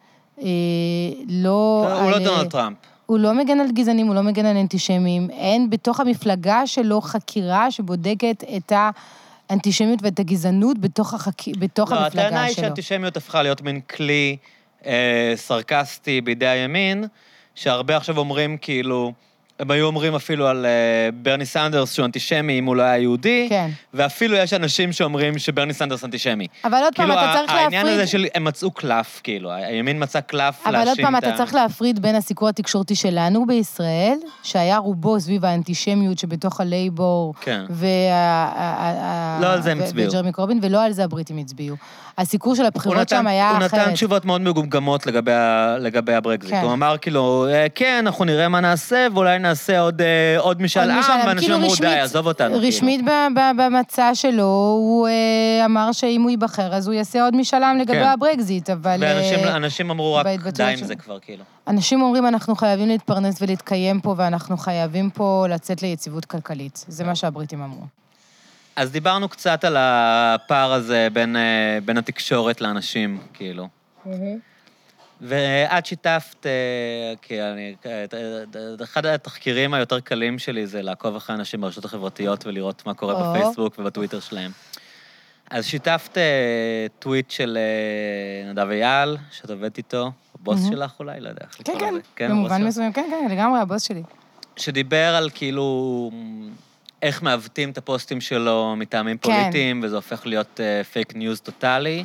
כן. שזה בעצם מין אתגר שכולנו חיים איתו גם כאזרחים, אבל על אחת כמה וכמה אה, אנשי תקשורת, כאילו. כן, זה... זה ספרי טיפה על מה הוא כתב אני, ומה... אני לא משתפת את כל מה שנדב אייל כותב הרבה, אבל לא, לא את כל מה שהוא לא כותב. מעריצה עיוורת. אה, לא. אה, מאוד מאוד מאוד מעריכה אותו. כן. אה, מאוד מחבבת אותו גם כבן אדם. אה, וכבוס. אבל, אה, אבל כן, הפוסט הזה, היה לי מאוד חשוב לשתף אותו וגם להוסיף משהו אישי, כי, תראה, מה שנדב כתב זה שבעצם... אה, אה, הוא דיבר על ג'רמי קורבין ועל הבחירות בבריטניה ועל הסקרים, ועיוותו את הדברים שלו, וזה התחבר לזה שיש איזה, אני לא כל כך רוצה להדיר את זה, אבל יש איזה סרטון שרץ שהוא ערוך לחלוטין בצורה מאוד מגמתית ושקרית, על זה שהוא כאילו אמר שאין שום סיכוי לטראמפ להיבחר, דבר שהוא לא אמר אף שהוא, פעם. אני, אני עד לזה שהוא אחד היחידים שזהה את עליית הטראמפיזם. בוא, הוא עשה הוא, סדרה הוא עשה שלמה, סדרה שנקראת טרמפלנד, והוא האחד היחידים שאמר, ואני מודה... אנחנו, הוא אמר בקריינות שלו, אני אנחנו מודה לא... בתור ציניקן, אמרתי על מה המנותק הזה מדבר, כן. ברור שהילירי מנצחת, והוא צדק. הוא, הוא, הוא זיהה, הוא זיהה איך טראמפ הולך לנצח. אל תתרגשי מזה. מתחילים לפתוח את הבר, אז אתם שומעים קרח. מונח כאן, אבל כן. כן. אה, אם אני לא טועה, הוא נסע לווירג'יניה, אני חושבת, ושם הוא בטראמפלנד, והוא הוא אמר טייל- הוא בסוף טייל הקריינות שלו, במעמקי כן. ארצות הברית, ודיבר עם האנשים האמיתיים, הרחק ממוקדי הכוח ומוקדי כן. התקשורת, שכולם נוח להם לטוס לניו יורק. ובפרק הזה, כשהוא סיים את הפרק, הוא אמר אה, לנו ולהרבה אנשים שזה נראה, אני עושה פרפרזה, לא ככה בדיוק הוא אמר את זה, אבל הוא אומר, זה נראה הזוי ולא לא נראה לאף אחד אפשרי שטראמפ ייבחר, אבל דווקא בגלל האנשים האלה, כנראה שיש יש אפשרות כזאת. זאת אומרת, הוא זיהה את האנשים, את האנשים שהולכים להצביע טראמפ, והוא כל הזמן נתן את הסקרים משני הצדדים, והוא אמר שעד הרגע האחרון הסקרים לא לטובת טראמפ. כן. זאת אומרת, הוא עשה את העבודה העיתונאית אבל אני שלו. חייב להגיד שאצלי הוא ו- קנה מלא מניות, כי הוא הוא הציג את התסריט שטראמפ ייבחר, שהיה לכל בן אדם ליברלי הוא בתור הציג את הזיה, בתור משהו שיש סיכוי טוב שזה יקרה, תירגעו הוא רגע. כן. הציג את האפשרות שטראמפ ייבחר. זאת אומרת, נדב נכון. עשה את העבודה שגם בתקשורת העיתונאית שלו. האמריקאית, צריך להגיד, זה לא היה נכון. נוכח בנ- ב- כן. בשיח. כי כאילו, הסקרים לא אמרו זאת. נכון. והוא גם, במקביל לזה שהוא אמר את הדברים האלה, הוא גם הראה את הסקרים. אז ו- ו- ואז עיוותו את הדברים שלו, ועד היום יש מי מנסה, אה, לא יודעת, להפיץ איזה שיח שקרי ולהגיד שבעצם הוא בא לשרת אינטרסים מסוימים, ומעוותים את הדברים שלו ומנסים להגיד שהוא אמר שאין סיכוי שטראמפ ייבחר, דבר שלא היה מעולם. אוקיי, אז זה, זה, זה כאילו... ובעצם מה שקורה, כן, סליחה. וזה מה שקורה במקצוע שלנו, שאנחנו צריכים אה, להילחם על האמת. אה, ויש בזה משהו מייאש, חיים בעידן הפוסט-טרות, כמו כן, שהחבר'ה כן. של טראמפ קוראים. כן? יש בזה משהו מייאש, ומצד שני, יש בזה משהו שאותי נורא חיבר מחדש למקצוע. אומרת- התחושת האחריות?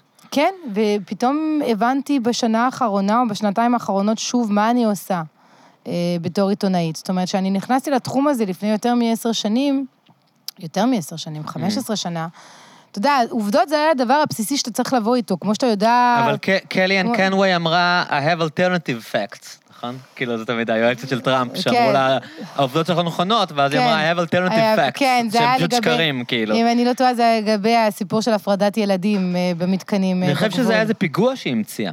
היא כן? המציאה- היא המציאה איזה פיגוע. זה לא היה בסיפור של ה- היא המציאה איזה פיגוע שלא קרה, ואז אמרו לה, כאילו, למה למה הזכרת פיגוע הזה, הוא לא קרה? ואז היא אמרה, אוקיי, you have your facts and I have alternative facts. אני מכירה את זה בסיפור של הפרדת ילדים, אוקיי? מהמם. אה, הפרדה מההורים בגבול, כאילו... אה. במקסיקו. כן. עכשיו, כשאני באתי למקצוע הזה, אז עובדות היה הדבר הבסיסי שאתה צריך שיהיה לך אותם, כן. אתה יודע, כמו שאתה לומד ללכת לפני שאתה לומד לרוץ, ממש ככה, ואז כדי להיות עיתונאי טוב, אתה צריך היה, אה, צריך היה למצוא זווית לסיפור שלך, או קטע טוב ויזואלי, או איזה. פרשנות, אבל קודם כל העובדות, אבל זה היה החלק הבסיסי שלך לסיפור. היום זה הפך להיות המהות של העבודה שלנו. הסיפור, העובדות. אוקיי. היום- למה הכוונה? הכוונה זה שהיום אנחנו בעידן כזה, שאנשים בכלל, וגם זה קשור לרשתות החברתיות, ולא רק, וגם אנשים שהחליטו שהם עיתונאים, והם מגדירים את עצמם עיתונאים, פשוט, אתה יודע, מנהלים שיח שלם על משהו שהוא מבוסס על שקר מוחלט, שלא מבוסס על שום עובדה. ואתה בתור עיתונאי, בעצם התפקיד שלך זה להגיד, אוקיי, אבל הדבר הזה, כל הטענה שלך היא לא נכונה, כי היא מבוססת על דבר שקרי או דבר שאינו קיים. ו, וזה המהות של העבודה שלי, באמת בעידן הפוסט- truth, אה, העבודה שלי בתור עיתונאית זה להגיד לצופים ולקוראים, תראו, בואו, אני אתן לכם את העובדות, ומשם תגדירו... הפרשנות היא לא משנה, זה מה שקרה. הפרשנות היא שלכם, כן, כי תגדירו באמת את ה... היה איזה קטע שבשלב מסוים, כש-CNN כבר לא ידעו איך להתמודד עם דונלד טראמפ והשקרים שלו, אז הם התחילו לכתוב בזמן שהוא מדבר, הם כתבו, דונלד טראמפ אמר ככה וככה וככה, ואז הם כתבו בסוגריים, הוא לא אמר את זה. כאילו ברמה של, אנחנו לא יודעים כבר מה לעשות עם הכמות שקרים שהבן אדם הזה שמע, אומר. אני חושבת שבאוגוסט האחרון, אה, הניו יורק טיימס עשה סקירה של השקרים, נכון, את והגיעו השנה. ליותר סיכמו את השנה. מ-13,000 לא- שקרים, זה עברו מטורף. על כל הטוויטים שלו, וספרו כמה שקרים הוא סיפר במהלך שנה. בהתבטאויות שלו. והבן אדם אומר כל יום חמישי בערך שאבא שלו נולד בגרמניה, לא. ולכן הוא נורא אוהב את גרמניה, ואבא לא, שלו נולד, הוא אבא שלו מנסה נולד להגיד שהוא לא נגד בקווינס. מהגרים, כי ההורים שלו מהגרים. לא, הוא שכאילו, גם- אל תגידו שאני נגד מהגרים, כי אבא שלי מהגר לא, והוא לא, לא. לא, לא, הוא גם, הוא גם היה בשיחה אה, אה, על אה, נאט"ו וגרמניה, אהה. כמה כסף נת, נתן, נתנה גרמניה לנאט"ו, ולכן, כאילו, כל הוויכוח כן. שלו, של האירופאים כן, לא כן, נותנים כן. מספיק כסף. לנאט"ו, ואז הוא, הוא אמר, אני מאוד אוהב את גרמניה, אבא שלי נולד בגרמניה, וזה שקר שהוא חוזר עליו אה, כן, כל כבר כמה... חזר עליו. מלא פעמים וזה פשוט לא נכון. אבא שלו נולד בקווינס. עכשיו, אתה יכול, לדבר, אתה יכול לשקר על זה שאבא שלך נולד ב... ב, ב אתה יודע, אבל...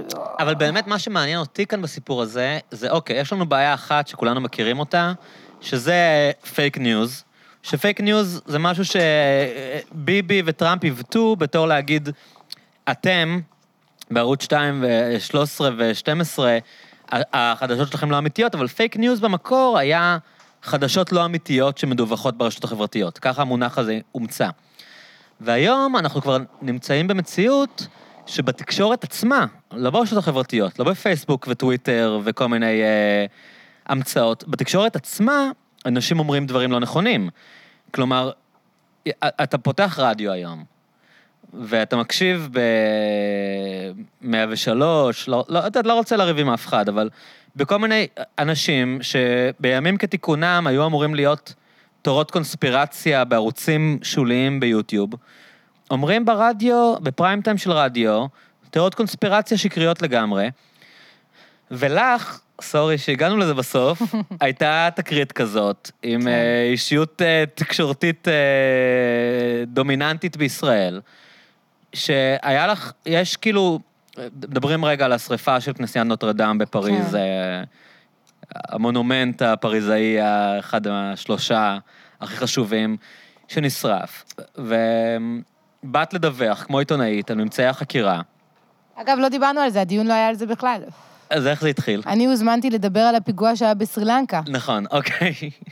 שזה גם הלינקים הכל כך קלים שאנשים עושים בין דברים שלא קשורים אחד לשני, אבל בגדול, בן אדם אמר, לא אכפת לי מה, המחקר, מה הממצאים של מה החקירה. החקירה אומרת? אני מה לא מאמין החקירה להם. אומרת, לא אכפת לי שאנשים בדקו את זה לא, זה והבינו... יותר מזה. הוא לא אמר לא אכפת לי, הוא אמר, אני לא מאמין לחקירה בצרפת, אני לא מאמין לח... לחוקרים ול...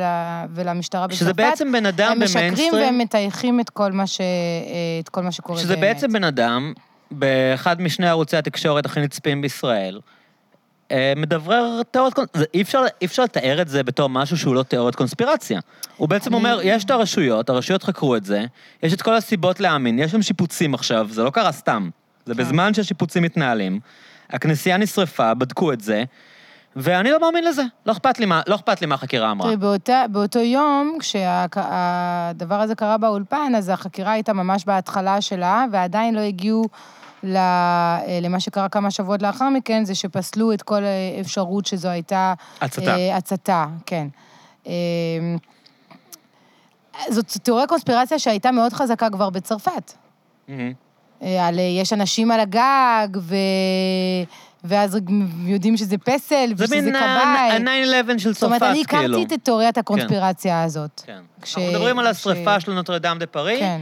שהיא עלתה באש, שכל העולם ישב, ראה את זה ב live בפייסבוק ובכה, או הרבה אנשים בכו, כי זה באמת, באמת אה, כנסייה עם אה, עומקים היסטוריים ותרבותיים מדהימים, והיא עלתה באש בזמן שהיא שופצה, כן. כלומר, במהלך היא השיפוצים כל הזמן שם... עוברת שיפוצים, כן. כן. והיו גם שם שיפוצים. ואז ואז- עלתה מין תיאוריה שהשריפה הזאת, שהרשויות החקירה וכולם אמרו שזו שריפה שקרתה בגלל תקלה, התחילו להגיד אנשים, זה בעצם מוסלמים שרפו אותה. כן, כן.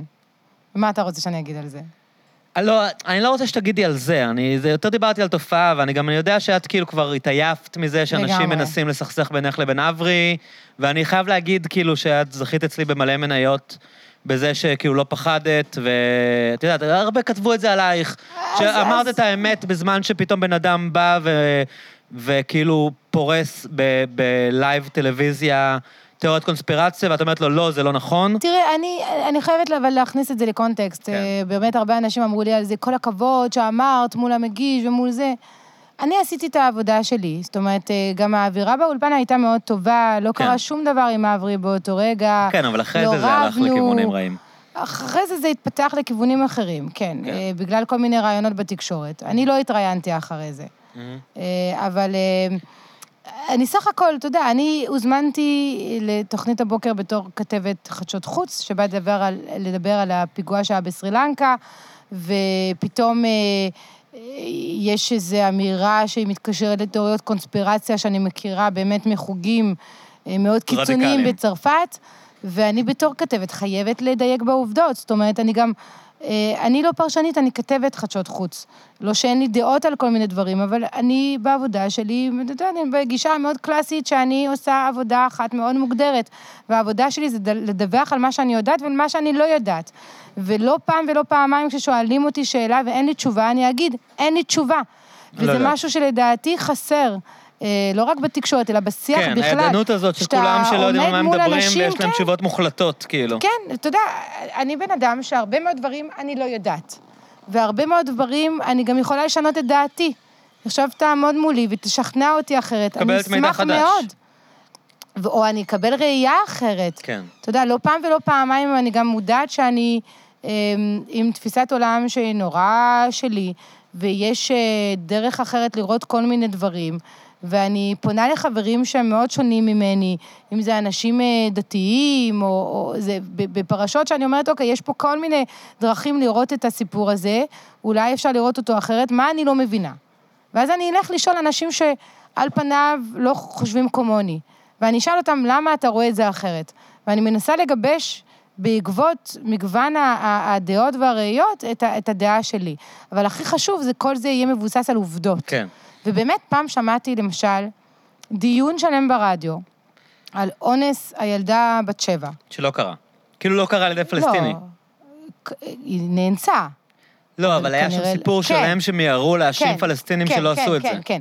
עכשיו, ו- ואף אמרו ועדיין שזה לא אונס יודעים. על רקע לאומני. נכון, כאילו, זה אה, היה... נכון, עדיין לא יודעים. עכשיו, כן. היה בשיחה הזאת, ברדיו, היה מישהו ימני ומישהו אה, שמאלני.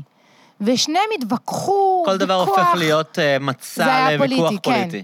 ושניהם התווכחו, וטונים והכול, ולא השמאלני ולא הימני דייקו בעובדות. מהמם. עכשיו, איך אתם יכולים בכלל לנהל תוכנית רדיו? את, איפה האחריות שלכם? אתם מנהלים בדיוק. שיח שלם, כן. ואף אחד מכם לא מדייק בעובדות. אז אתם לא יודעים, אל תנהלו את הדיון הזה. זאת אומרת, פעם אחת שמעתי גם אה, מישהי ברדיו מנהלת שיח שלם על קים ז'ונג און, אה, מנהיג רודן, קוריאה הצפונית, שהיא כל השיחה טועה ומדברת על קוריאה הדרומית, ובסוף היא גם אומרת, אני לא יודעת את השם שלו.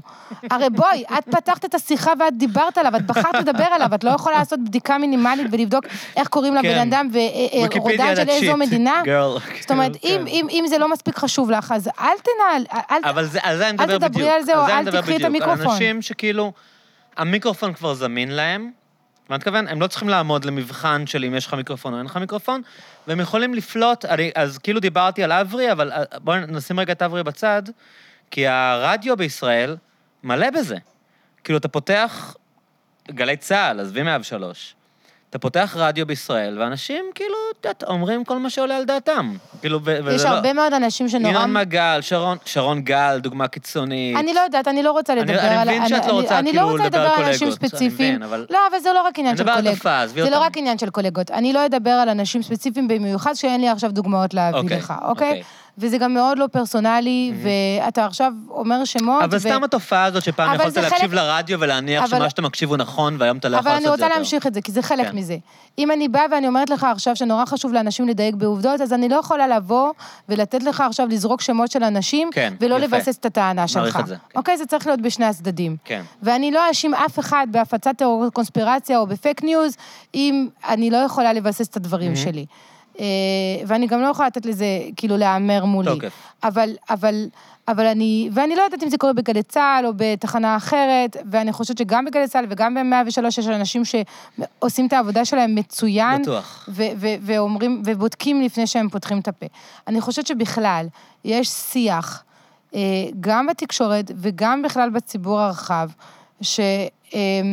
ששוכח כמה העניין הזה של לבדוק את העובדות לפני שאתה מדבר, הוא הדבר המהותי והחשוב. ולכן, אותי... זה מחדד בתור עיתונאית.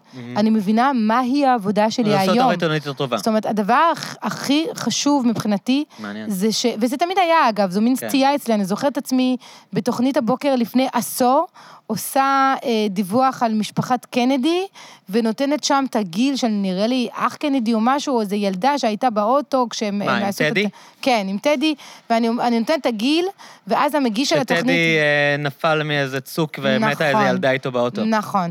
כן. ואני זוכרת שאני נותנת את הגיל של אחד מהם, אני לא זוכרת בדיוק מה, והמגיש של התוכנית, עכשיו, אני בן אדם כפייתי מבחינת עובדות, ותמיד הייתי, ואני אני, אני בדקתי את כל דבר, ואם אני לא יודעת מספר או אני לא יודעת זה, אני לא, פשוט לא אומרת כן, אותו. אני רואה עכשיו. ו- כן. אני נורא נזהרת. ואני זוכרת שהמגיש אה, סתר אותי בשידור. את בטוחה? אני לא חושבת שזה הגיל שלה, שהיא את לא לא הייתה בת טועה? 16? כן, זה, זה, לא, זה לא היה 17, זה היה 27, משהו כזה. לא, לא. ואז אני אומרת. לעצמי, אוקיי. וואו, אני לא טועה בזה, זאת אומרת, אם אני לא בטוחה במאה אחוז, אני פשוט לא אומרת. ואחרי שבועיים הוא בא אליי ואומר לי, "סלי- ב- מאחורי לא, הקלעים, כמובן, בת 16 או סליחה, אני 17, טעיתי ואת כן. צדקת. יופי, כאילו, כן. אתה סותר אותי בשידור. עכשיו, אני- זה סטייה אצלי, אורחים שעובדים איתי, אתה יודע, על פינה לא חשובה, על איזה ילדה בת חמש שראתה את אבא שלה חוזר מהצבא האמריקני, אז אם כותבים בפתיח, אם העורך כתב בפתיח שהיא בת שש, למרות שהיא בת חמש, אני צועקת לו באוזנייה מהר, היא בת חמש, לא בת שש, ואז הוא אומר לי, למי אכפת? זה לא משנה שום דבר בסיפור. אבל לך אכפת. אני כפייתית בדברים האלה. לא, אבל זה טוב שאכפת לך. זאת אומרת, אני- חושב זה- שזה חשוב, אני- אני משתגע מזה בתור צופה. כי אני חושבת שגם אם אין... אני רואה בטלוויזיה כל הזמן אנשים אומרים, עוד פעם, אני לא רואה בטלוויזיה, אבל אם וכשאני רואה, אני משתגע שאנשים אומרים דברים לא נכונים, זה מחרפן אותי. כאילו, פאקינג יעני, זה עבודה שלכם, אתם מקבלים מלא. כסף. אתם מרוויחים יותר מלא ממני. כסף, מה זאת אומרת? לא, אבל למה? האורחים הבכירים, האנשים שאתה בסוף רואה אותם מול אני לא המצלמה. מתלוננת. לא, עזבי, רוב האנשים שאתה רואה מול המצלמה, הם מתפרנסים טוב, כאילו. אה, בוא, אני, זה לא הדיון עכשיו, אבל אני יכולה... פחות ממה שצריך לדעתך? אה, לסתור אותך, יש הרבה אנשים ש... נדב לא- מתפרנס טוב. לא מתפרנסים אה, מספיק, יש הרבה אנשים שמתפרנסים אוקיי, דני טוב. קושמרו. ואני בעצמי לא מתלוננת. אני לא יכול לקבל את זה שאומרים דברים לא אבל- נכונים. אני תראה, משתגע מזה. אני מבין לא- ש- אני מבין שהם בגישה של למי אכפת, כמו שהוא אמר לך. אני בתור צופה משתגע שאני רואה טלוויזיה ואומרים דברים לא נכונים. אז זה זה מחרפן אותי. אלוהים בפרטים הקטנים. אם אני בדיוק. עכשיו לא אדייק בגיל של הילדה בת חמש, אז... אה, ויתפסו אותי על זה, אז למה שיאמינו לי כשאני אומרת שנוטרדם נשרפה בגלל תקלה נכון. חשמלית, ולא בגלל שלך. שאנשים שרפו בתור את הקתדרלה. בדיוק. זה, זה הכלי הכי חשוב שלי, האמינות שלי. אה, ו... ולכן אני חושבת עוד פעם, שאנחנו בעידן כזה, כשנשיא הברית משקר על ימין-השמאל, ולא כן. רק הוא, אנחנו בתור עיתונאים חייבים להיות שם כדי לדייק בעובדות. אז לאן זה הולך לפעמים לדעתך? אנחנו טועים. מה את חושבת שיקרה, כאילו, בשנים האחרונות? כאילו, ראינו כזאת כזאת הידרדרות בחמש, שלוש, שלוש עד חמש שנים האחרונות. בתקשורת או בשיח הציבורי בכלל? בשיח, וכמו שהראינו עכשיו, אני הצעתי ואת אה, קיבלת, ראינו את זה גם בתקשורת. כן. אה, לאן את חושבת שזה הולך? מה, מה, איך, איך, כאילו, התקשורת תיראה בתור משהו שאתה מסתכל, שזה משהו, את יודעת, דיברנו על זה כאן, שזה התחיל בזה שעוד לפני פוקס ניוז, ב-CNN הם הביאו את המנכ"ל של ESPN, של הרשת לספורט, שאמר, כאילו, מעכשיו זה הולך להיות ויכוחים, כי ניסיתי את זה ב-ESPN, אנשים רבים על ספורט, אז בואו נריב גם על פוליטיקה. אז גם אם יש משהו שנורא ברור מה קרה, בואו נביא מישהו שחושב הפוך, וניתן להם לריב. כי כן. זה עושה רייטינג. אנחנו לא נגיד, כאילו, ה Notre-Dame de Paris זה היה תקלה, זה לא עושה רייטינג.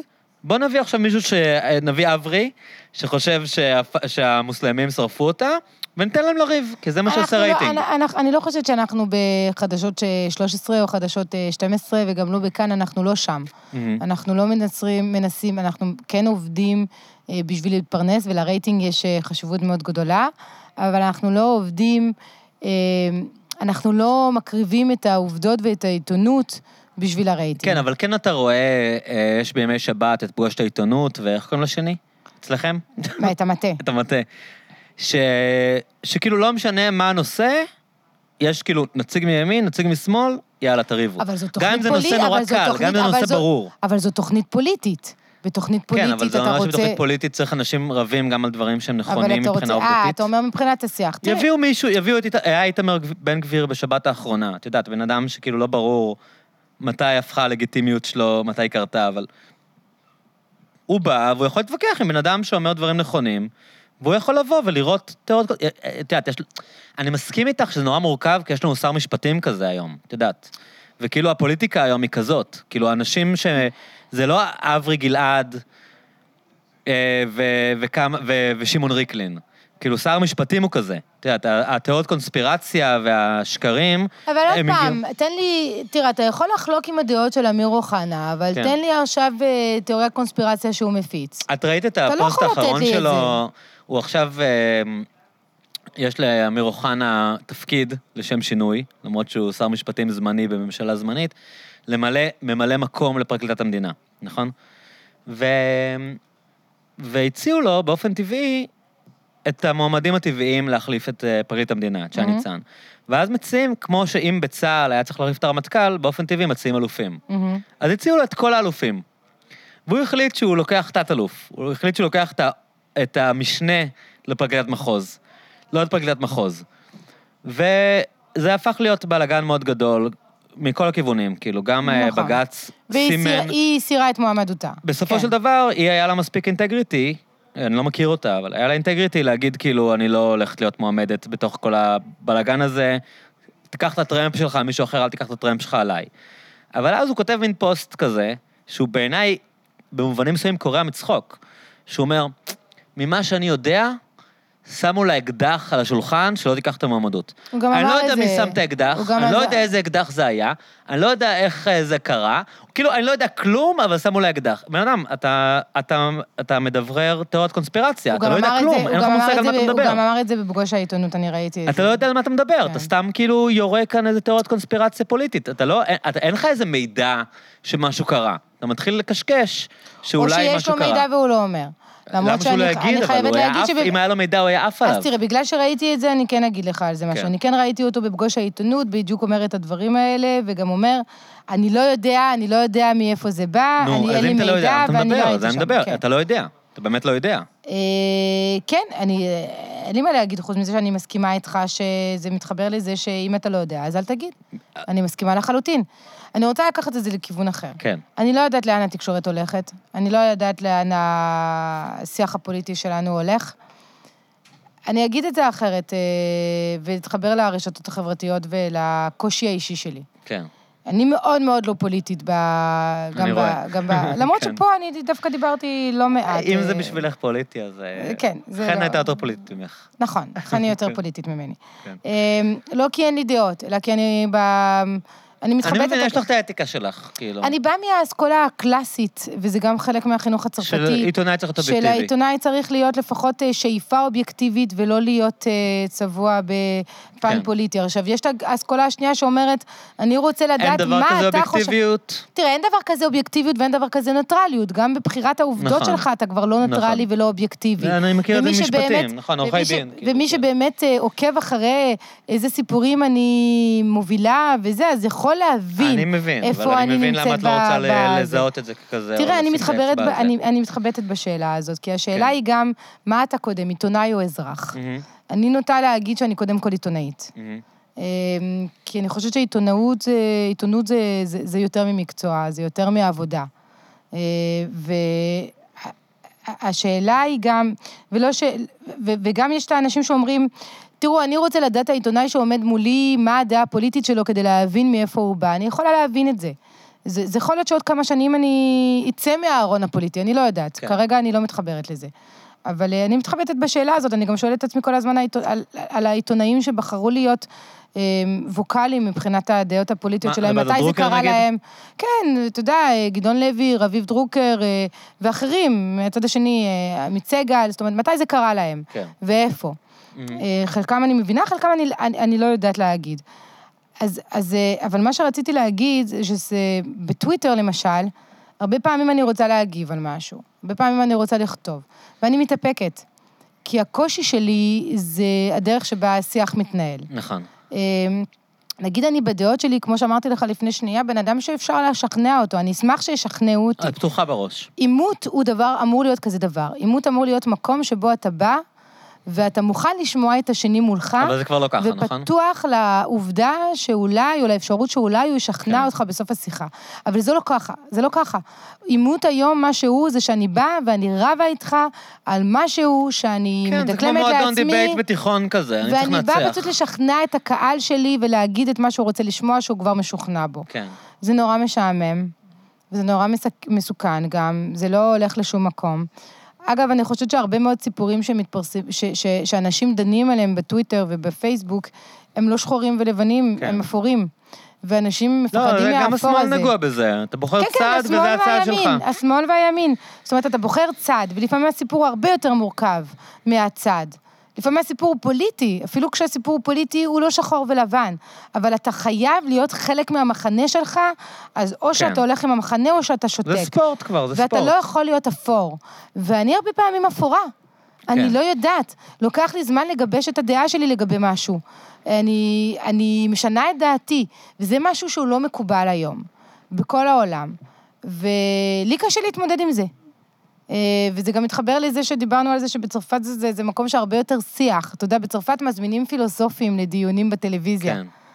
הלוואי, הלוואי ופה היו מזמינים פילוסופים לדיונים אז בטלוויזיה. מה היית עושה? נגיד היית היום בעמדה יותר בכירה בתקשורת. שאת תהיי אני בטוח, כאילו, אבל, אבל נגיד את היית בעמדה יותר בכירה בתקשורת. נגיד היית אה, עורכת המהדורה, כן. ווטאבר. מה היית עושה כדי לשנות את זה? כדי כאילו שהדבר הזה יהיה טיפה פחות אינפנטילי ומטופש ממה שאנחנו רואים היום על אמריקה. ואני לא מתכוון לפגוע בך ובקולגות שלך, אבל זה מה שאני רואה כשאני מסתכל, כאילו.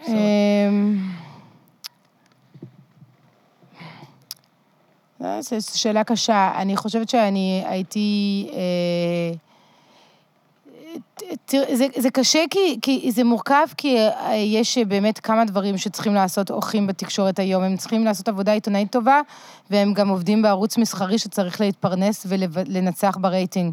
אז הם, הם צריכים לשחק עם שני הדברים. אני חושבת שעדיין אנחנו עושים את זה טוב מאוד.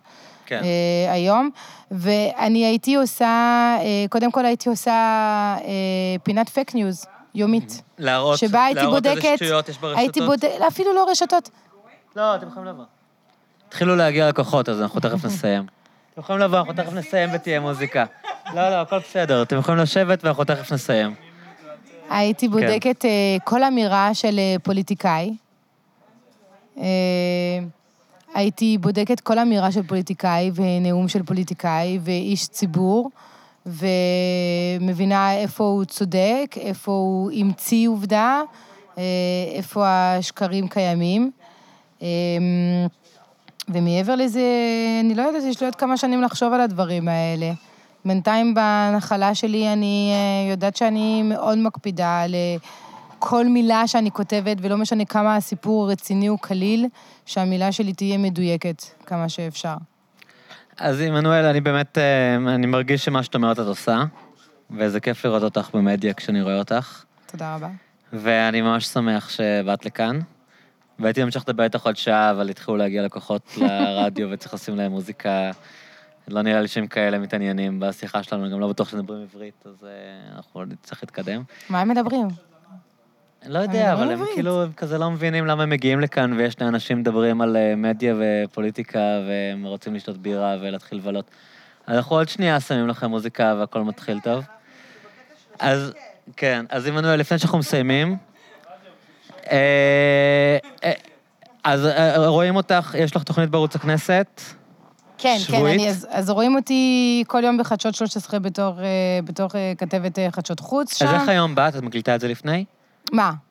היום באת לא, היום לא הופעתי. במהדורה או ביום שהיה, אז אוקיי. באתי אחרי, הופעתי בתוכנית של אמנון לוי ובאתי אחרי. אוקיי, אז הכי חשוב חדשות 13, אה, חדשות 13 זאת העבודה העיקרית. ויש תוכנית בערוץ כנסת. ובערוץ כנסת יש לי תוכנית אה, שבועית בהגשתי? שנקראת אה, משחק חוץ, חצי שעה של חדשות חוץ, שבה אני מארחת חוקרים, אקדמאים, מומחים, ואנחנו דנים- על הדברים החשובים והמעניינים שקורים אה, ואפשר לעקוב. אחרייך בפייסבוק, בטוויטר. בפייסבוק, בטוויטר, יש לי אינסטגרם מאוד לא פעיל, בגלל שמאוד. קשה לי להפריד בין... אל תהיה לי stories, זה לא בסדר. לא, לא, מאוד- קשה לי בחלוקה וערבוב בין פרטים אישיים ופרטים מקצועיים. אני מעריך את זה, אני חושב שזה... חרדה לפרטיות. זה חולני מה שקורה בימינו במובן הזה. חרדה לפרטיות שלי, כן.